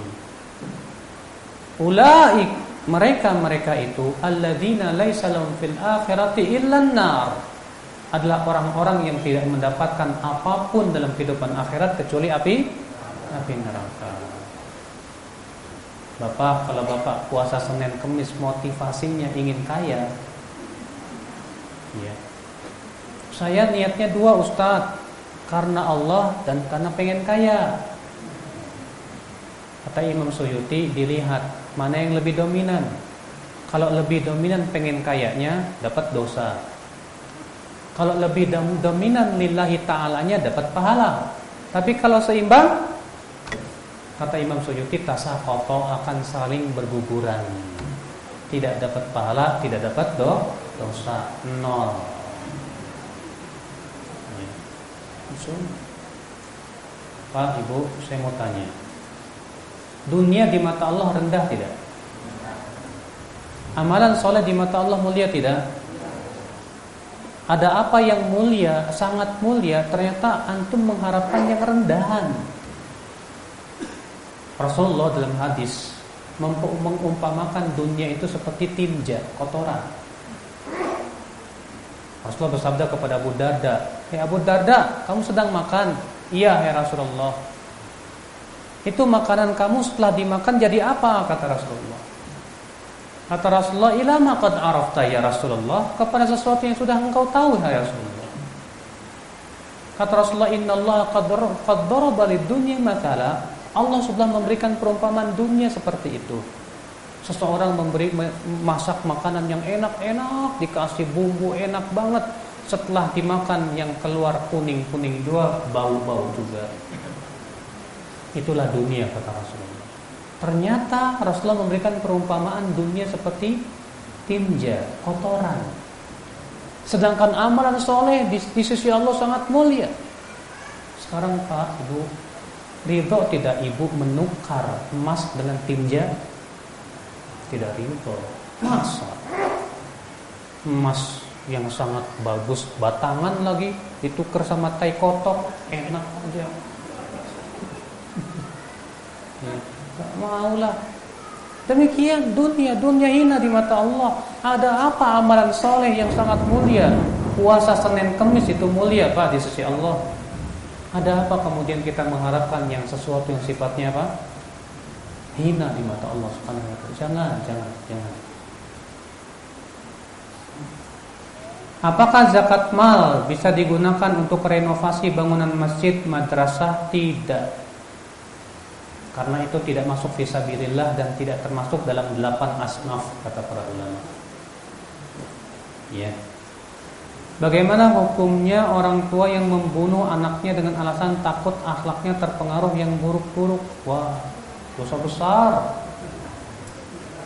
Eh kan dulu juga Nabi Khidir begitu Ketika melihat ada anak kecil dibunuh tuh anak. Takut nanti udah gede kita katakan Nabi Khidir diberitahu oleh Allah, kamu diberitahu sama siapa? Dari mana kamu tahu bahwa anak kamu itu bakalan buruk nanti besar? Kamu mendapatkan wahyu dari Allah. Ada apa kamu membunuh anakmu dengan tanpa hak? Ya. Bukankah Allah Taala mengatakan wala taqtulu auladakum khasyata imlaq Jangan kalian bunuh anak-anak kalian karena takut fakir. Takut fakir aja nggak boleh apabila apalagi hanya karena takut-takutan yang nggak jelas seperti itu. Haram hukumnya yang akan Islam azakumullah dosa besar sekali. Ya. Bila ahli waris sudah meninggal, apakah anak-anaknya mendapatkan warisan? Ya pastilah tuh, masa nggak dapat sih? Kecuali kalau yang meninggal itu bapaknya orang beda agama. Anak-anaknya muslim, bapaknya ya non muslim, maka pada waktu itu tidak berhak dapat warisan. Tidak boleh. Karena Rasulullah mengatakan apa? La yarithul kafirul muslima walal ka walal muslimul kafira. Orang muslim tidak boleh mewarisi orang kafir dan orang kafir tidak boleh mewarisi orang muslim, enggak boleh. Ya.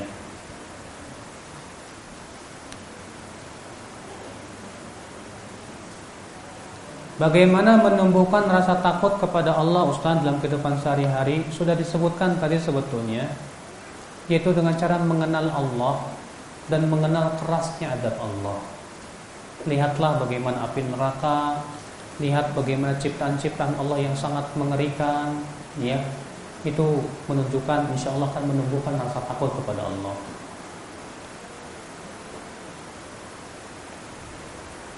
harta dari orang tuanya dulu apa ini?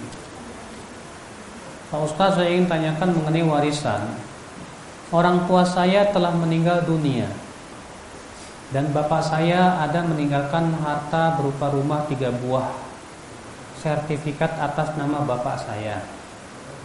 Tapi menurut sejarah dari awal dari anak-anak dan adik-adik bapaknya harta yang tinggalkan itu merupakan harta dari orang tuanya dulu yang telah meninggal. Tapi dulu di atas namakan bapak saya yang ingin saya tanyakan, bagaimana sikap saya sebagai ahli waris? Nah, bisa jadi, ya, adik-adiknya bapak ini mengklaim saja. Bisa jadi hanya sebatas apa? Mengklaim. Biasanya kalau orang melihat duit itu suka ngaku-ngaku sebetulnya ini warisan dari orang tua, padahal enggak gitu. Itu bisa terjadi seperti itu. Makanya ya bagusnya bawa aja ke meja hijau. Ya, biar nanti hakim yang akan apa? memutuskan. Sebab kalau kita yang memutuskan bisa berantem. Lebih baik udah bawa ke meja hijau. Ya udah, kalau kalian memang punya bukti dan ini, ayo kita ke meja hijau. Siapa yang paling kuat bukti-bukti dan ininya terserah. Karena kita tidak tahu.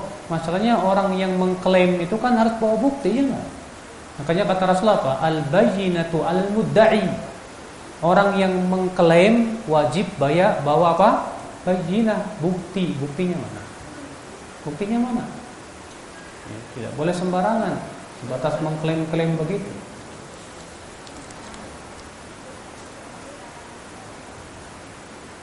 Bagaimana hukumnya bekerja di perusahaan rokok? Pak, seluruh dokter di seluruh dunia telah berijma, ya, telah bersepakat bahwasanya rokok itu berbahaya.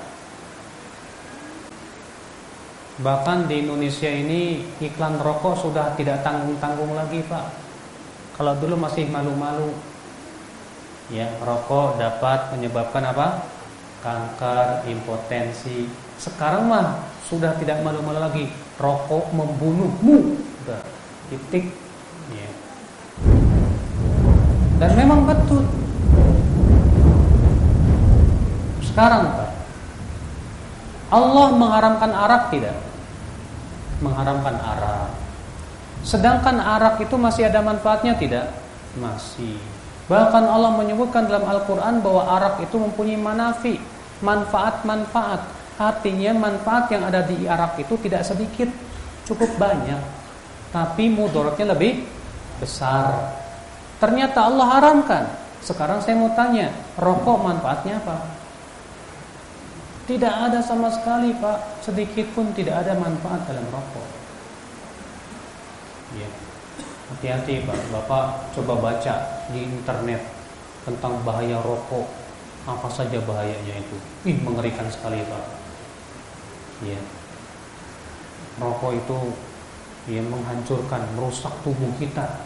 Bahkan para ulama mengatakan orang yang mati gara-gara merokok ia mati bunuh diri. Hati-hati. Maka kerja di perusahaan rokok halal apa haram? Haram apa haram? Haram.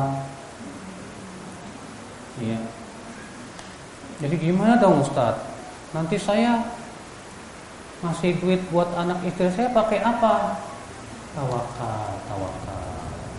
Yakin insya Allah Allah ganti dengan yang lebih baik. Ya. Ustadz, apa bedanya sabar dan tawakal? Sabar itu artinya menahan diri ya di dalam menjalankan perintah, menjauhi larangan dan musibah-musibah yang menimpa.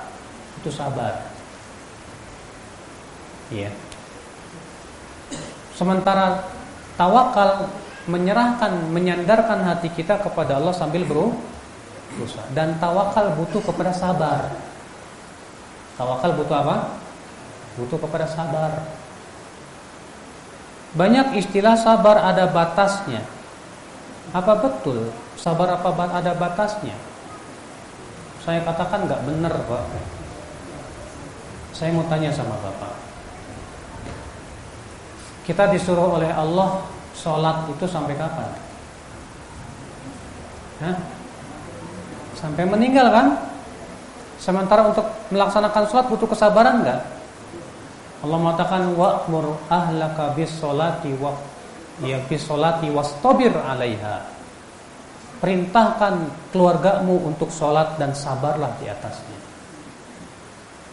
Ya. Ah, sabar ada batasnya Ustadz, sampai kapan? Batasannya sampai kapan? Kalau Anda katakan sabar ada batasnya, berarti suatu ketika Anda tidak akan sabar untuk sholat. Suatu ketika Anda tidak sabar untuk meninggalkan mak maksiat. Oh enggak, maksudnya sabar dalam menghadapi musibah Ustaz. Tetap dalam menghadapi musibah pun harus sabar. Dan memang harus kita latih kesabaran kita. Makanya Allah mengatakan apa? Ya ayyuhalladzina biru wasabiru. Hai orang-orang yang beriman bersabarlah dan teruslah bersabar. Makanya Rasulullah SAW bersabda ketika beliau mengabarkan akan munculnya pemimpin-pemimpin yang lebih mengutamakan dirinya daripada rakyatnya. Apa kata Rasulullah? Innaha satakunu athara Sesungguhnya nanti akan ada pemimpin-pemimpin yang lebih mementingkan dirinya daripada rakyatnya. Kemudian Rasulullah bersabda apa? Isbiru, bersabarlah sampai kapan ya Rasulullah? Kata Rasulullah apa? Isbiru hatta talqauni ala haud. Bersabarlah sampai kalian berjumpa denganku di telaga haud. Sabar itu tidak ada batasnya. Ya. Sabar itu bisa dilatih, dilatih dan dilatih.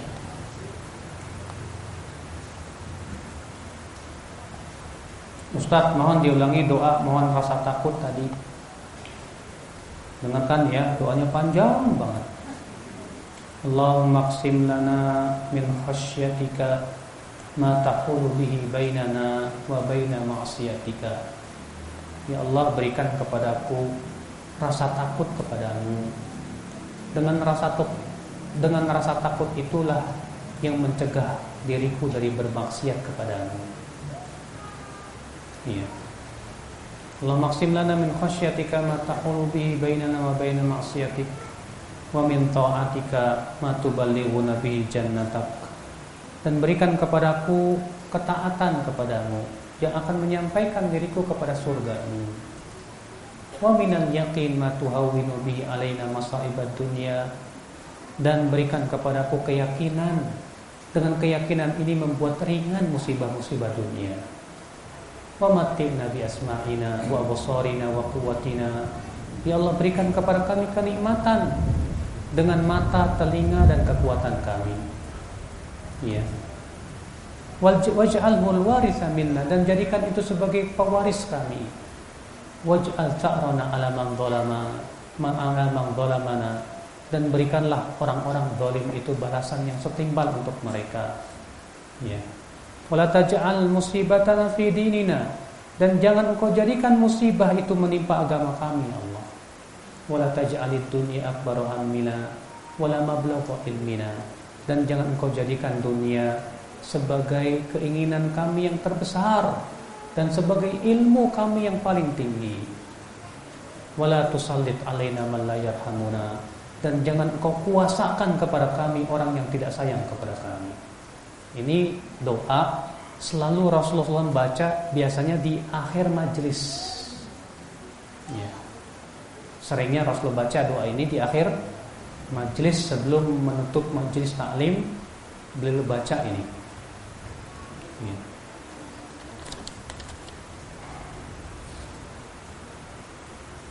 Bagaimana cara kita menegur teman yang suka memakai celana pendek jika keluar rumah, Ustaz? Memang kalau orang belum kuat akidahnya, Pak. Terkadang kalau kita tegur masalah seperti itu dia ngeyel. Makanya ketika Rasulullah SAW berdakwah di kota Mekah, Rasulullah SAW tidak langsung menegur jangan berzina, enggak. Jangan mencuri, enggak Jangan berjudi enggak. Tapi yang Rasulullah dakwakan apa dulu? Hah? Beribadalah kalian kepada Allah, jauhkan kesyirikan. Ditakuti takut-takuti dengan api neraka, dengan surga. Ya, setelah mereka punya keyakinan yang kuat kepada Allah, ketaatan itu pasti mengikuti, Pak. Makanya kalau kita punya teman kok ya pakai celana pendek keluar rumah, Ya mungkin kita sebatas memberikan nasihat Akhi Kalau bisa tutuplah auratmu. Ya Tapi upayakan kita berusaha untuk memperkenalkan dia kepada Allah Supaya dia takut kepada Allah. Ya Kalau kita berselisih paham dengan suami Siapa dulu yang menyapa Yang menyelesaikan masalah mengajak damai Suami dulu apa istri dulu yang paling memulai itu yang paling utama. Suami istri jangan punya ego, hmm, suami aja dulu. Masa istri? Suami pun juga jangan punya ego, jangan. Lihat perkataan Abu Darda kepada istrinya, Ummu Darda. Hai istriku, kalau aku marah, tolong ridhokan aku. Dan kalau kamu marah, aku akan ridhokan dirimu. Ya. Kalau aku marah, tolong apa? Ridhokan aku. Dan kalau kamu marah, aku akan usahakan meridhokan dirimu, hai istriku. Bahkan ketika Rasulullah mensifati wanita yang penduduk surga, kata Rasulullah wanita penduduk surga itu apa? Kalau ia melihat suaminya marah, dia tidak bisa tidur sampai suaminya ridho kepada dirinya. Ya, itu ciri penduduk wanita penduduk surga yang disebutkan dalam hadis yang sahih. Maka dari itu ya berusahalah suami maupun istri untuk menurunkan egonya masing-masing. Sebab kalau suami mempertahankan egonya, istri mempertahankan egonya, hancur berantakan rumah tangga. Tapi hendaklah suami dan istri bertakwa kepada Allah dan ingat, saya ingin mendapatkan pahala dari Allah. Ini suami saya saya diwajibkan oleh Allah untuk menaatinya. Ini suami saya, ia adalah surga dan neraka saya. Sebagaimana sabda Rasulullah kepada seorang seorang sahabiat, "Unduri aina anti min fa inna ma huwa jannatuki aw naruki." Lihatlah oleh kamu bagaimana kamu di mata suamimu, karena suamimu adalah surgamu atau nerakamu. Ketika istri ingat ini segera ia pun ya memulai damai sama suami. Suami pun demikian ketika ia ingat bahwa istrinya adalah amanah dia. Istrinya ini ini adalah merupakan tanggung jawab dia kelak ditanya oleh Allah pada hari kiamat. Maka ia pun berusaha ya untuk berbaik. Bagaimana mendapatkan pahala dari istrinya. Cuma kalau suami istri ini seperti itu Masya Allah luar biasa Rumah tangga yang luar biasa Yang akan dipenuhi dengan ketentraman dan keimanan Ya makanya Pak rumah tangga yang berhasil itu bukan rumah tangga yang tidak pernah berantem. Di zaman rumah tangga Rasulullah berantem juga berantem.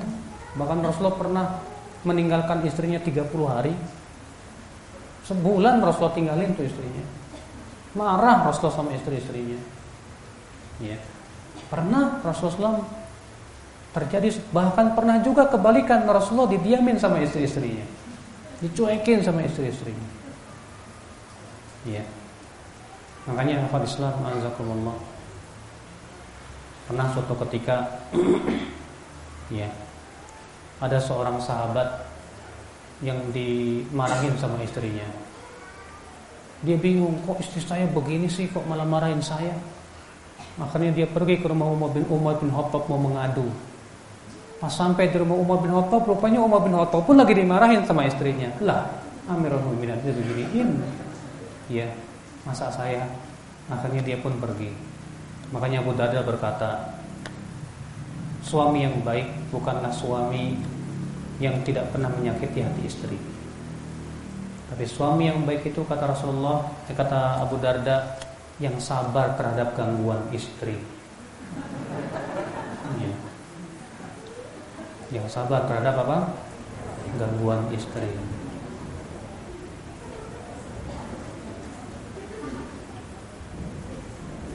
Bagaimana mengamalkan tawakal seperti Nabi Ibrahim? Aduh, kalau seperti mah susah tuh Pak. Tawakal seperti Nabi Ibrahim susah itu. Keimanannya kudu seperti Nabi Ibrahim dulu. Ya.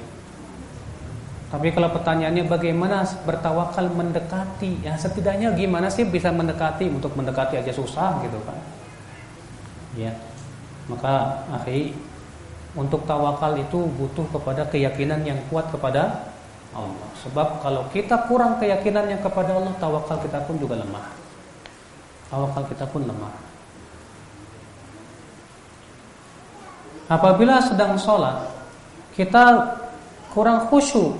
Setelah kita berusaha khusyuk, apakah sholat kita akan diterima? Diterima insya Allah kalau syarat dan rukunnya dipenuhi. Ya. Namun masalah besar kecil pahalanya hanya hanya Allah yang yang tahu. Selama syaratnya dipenuhi, rukun-rukunnya dipenuhi, sholat kita diterima. Tapi masalah apa? Pemberian pahalanya hanya Allah yang yang tahu. Makanya kata Rasulullah apa? Inna rajul la yansarifu min salati wa ma kutiba lahu illa khusyruhu wa tusruhu wa thumruhu wa subruhu wa sudsuhu wa khumsuhu wa rubuhu wa thuluthuhu wa nisfuhu apa itu seseorang selesai sholat kata Rasulullah ternyata hanya ditulis oleh Allah sepersepuluh saja dari pahala sholatnya ada lagi sepersembilan, seperdelapan, sepertujuh, seperenam, seperlima, seperempat, sepertiga, sepersetengah. Ya, kenapa? Mungkin keikhlasannya kurang mungkin kekhusyuannya kurang. Ya, kita tidak tahu. Yang jelas kita berusaha semaksimal mungkin. Ya, makanya kan setelah Rasulullah sholat, Rasulullah biasanya mengucapkan astagfirullah, astagfirullah, astagfirullah. Kenapa? Karena kita minta ampun kepada Allah terhadap kekurangan-kekurangan yang terjadi dalam sholat kita. Ya.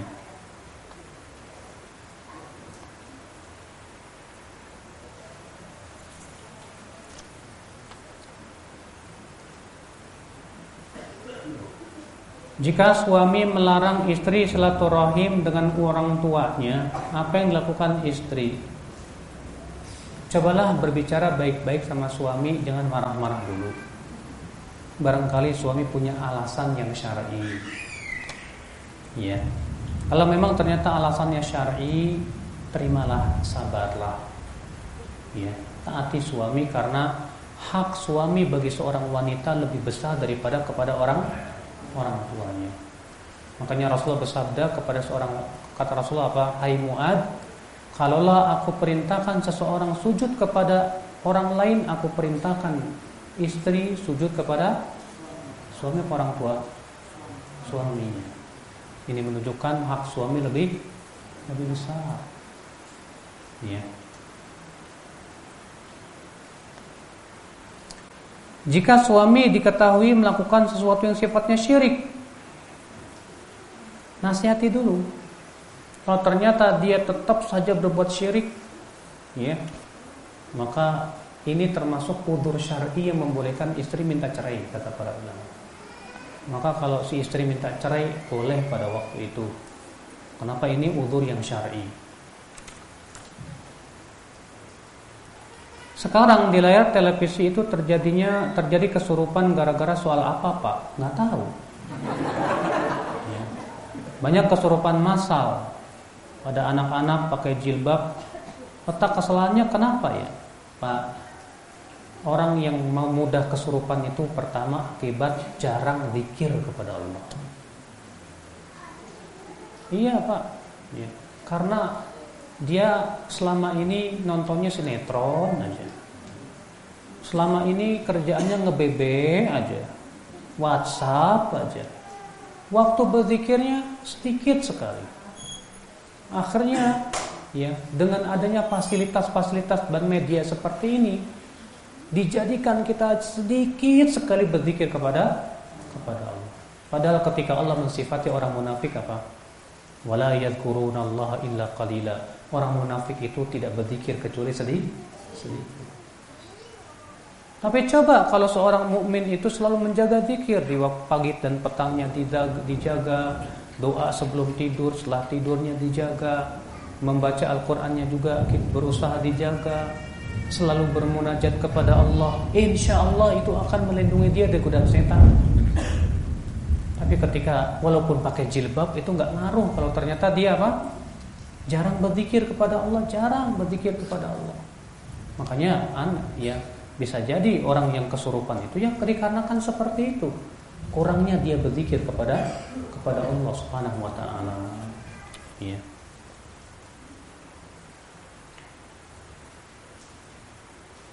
Ustadz bisa tolong jelaskan apa sih salafi itu? Salafi itu bukan sing singkatan salafilih, Bapak. Salafi dari kata salaf. Salaf itu artinya yang telah terdahulu. Rasulullah pernah bersabda kepada kepada anaknya yang bernama Fatimah. Dan hadisnya sahih dari Muslim dalam sahihnya. Bahwasanya Rasulullah bersabda kepada Fatimah, "Hai Fatimah, tidakkah engkau ridho?" Ya, eh, "Hai Fatimah, sesungguhnya malaikat Jibril tahun ini menampakkan Al-Qur'an dua kali, biasanya cuma sekali." Dan tampak tampaknya hai Fatimah ajalku sudah dekat. Fasbiri sabarlah kamu. Wahtasibi mintalah pala kepada Allah. Ya. Fa inni fa, fa, fa inni khairus fa innahu khairus salaf ana laki. Sesungguhnya sebaik-baiknya salaf untukmu adalah aku. Sebaik-baiknya salaf untukmu adalah aku. Rasulullah di sini mengatakan kepada Fatimah apa sebaik-baiknya salaf untukmu adalah aku. Jadi salaf secara bahasa artinya yang telah terdahulu, pendahulu kita. Itu disebut dengan apa? Salaf. Adapun secara definisi syar'i syariat, Imam Al-Ghazali ya, mendefinisikan salaf itu artinya hum ashabu Rasulillah sallallahu alaihi wasallam. Mereka adalah para sahabat Rasulullah sallallahu alaihi wasallam. Dalam kitab kitab Jawahirut Tauhid yang ditulis oleh Imam Al-Baijuri. Beliau mengatakan salaf itu hum al-qurun as-salasa al-mufaddalah. Mereka adalah tiga generasi utama yang di, tiga generasi yang diutamakan. Siapa itu? Sahabat tabiin tabiut tabiin. Nah ini salaf secara istilah. Adapun salafi itu nisbat kepada salaf Artinya usaha untuk mengikuti jejak kaki salaf. Tapi apakah setiap orang yang menamakan dirinya salafi pasti salafi? Belum tentu. Sebatas mengatakan saya salafi sama dengan orang yang mengatakan saya alusunnah. Orang yang menamakan dirinya alusunnah belum tentu alusunnah pak. Karena alusunnah itu bukan sebatas nama. Ya, tapi ia adalah akidah, manhaj, pemahaman itu generasi yang diutamakan generasi sahabat, tabi'in, tabi'un, tabi'in. Siapa yang sama keyakinannya, manhajnya, insya Allah. Siapa yang tidak sama, dia hanya mengaku-ngaku saja. Ya, ini disebut dengan salafi, ya.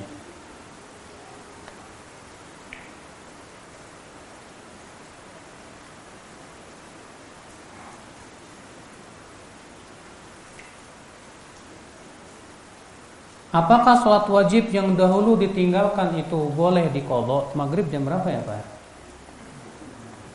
Hah? Jam 6 kurang? Jam 6 kurang? Kurang 6 Kurang 11 Masih ada 10 menit lagi ya Atau kurang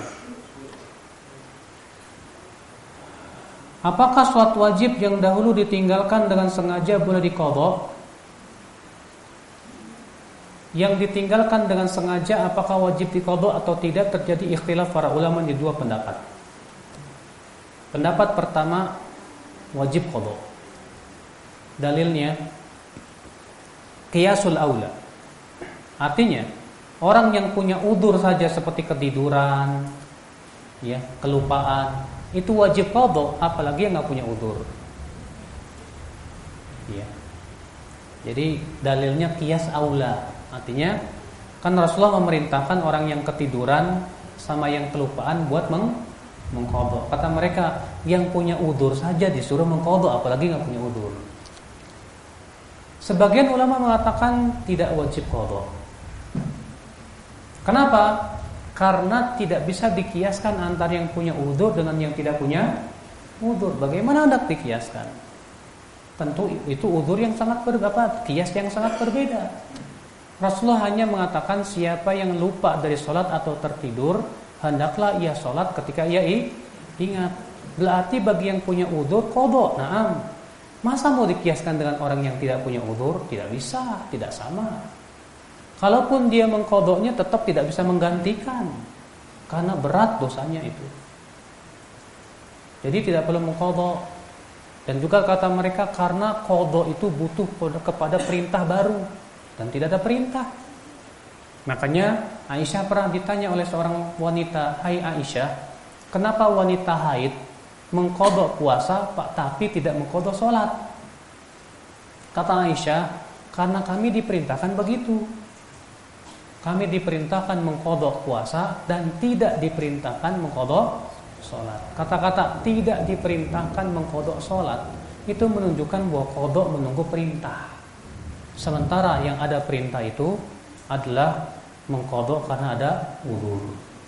Dan ini pendapat yang saya kuatkan, yang saya apa namanya condong kepadanya bahwa orang yang meninggalkan sholat wajib yang sengaja ditinggalkan tidak ada kodok untuknya karena qada sudah tidak ada manfaatnya lagi. Kewajiban dia taubat saja. Ya. Demikian pula puasa yang ditinggalkan secara sengaja. Baik, saya kira cukup sampai di sini Bapak dan Ibu sekalian. Mudah-mudahan yang saya sampaikan bermanfaat. Mohon maaf bila tidak semua pertanyaan saya jawab karena keterbatasan ilmu. Subhanallah bihamdik Asyhadu an la ilaha illa anta astaghfiruka. Wassalamualaikum warahmatullahi wabarakatuh.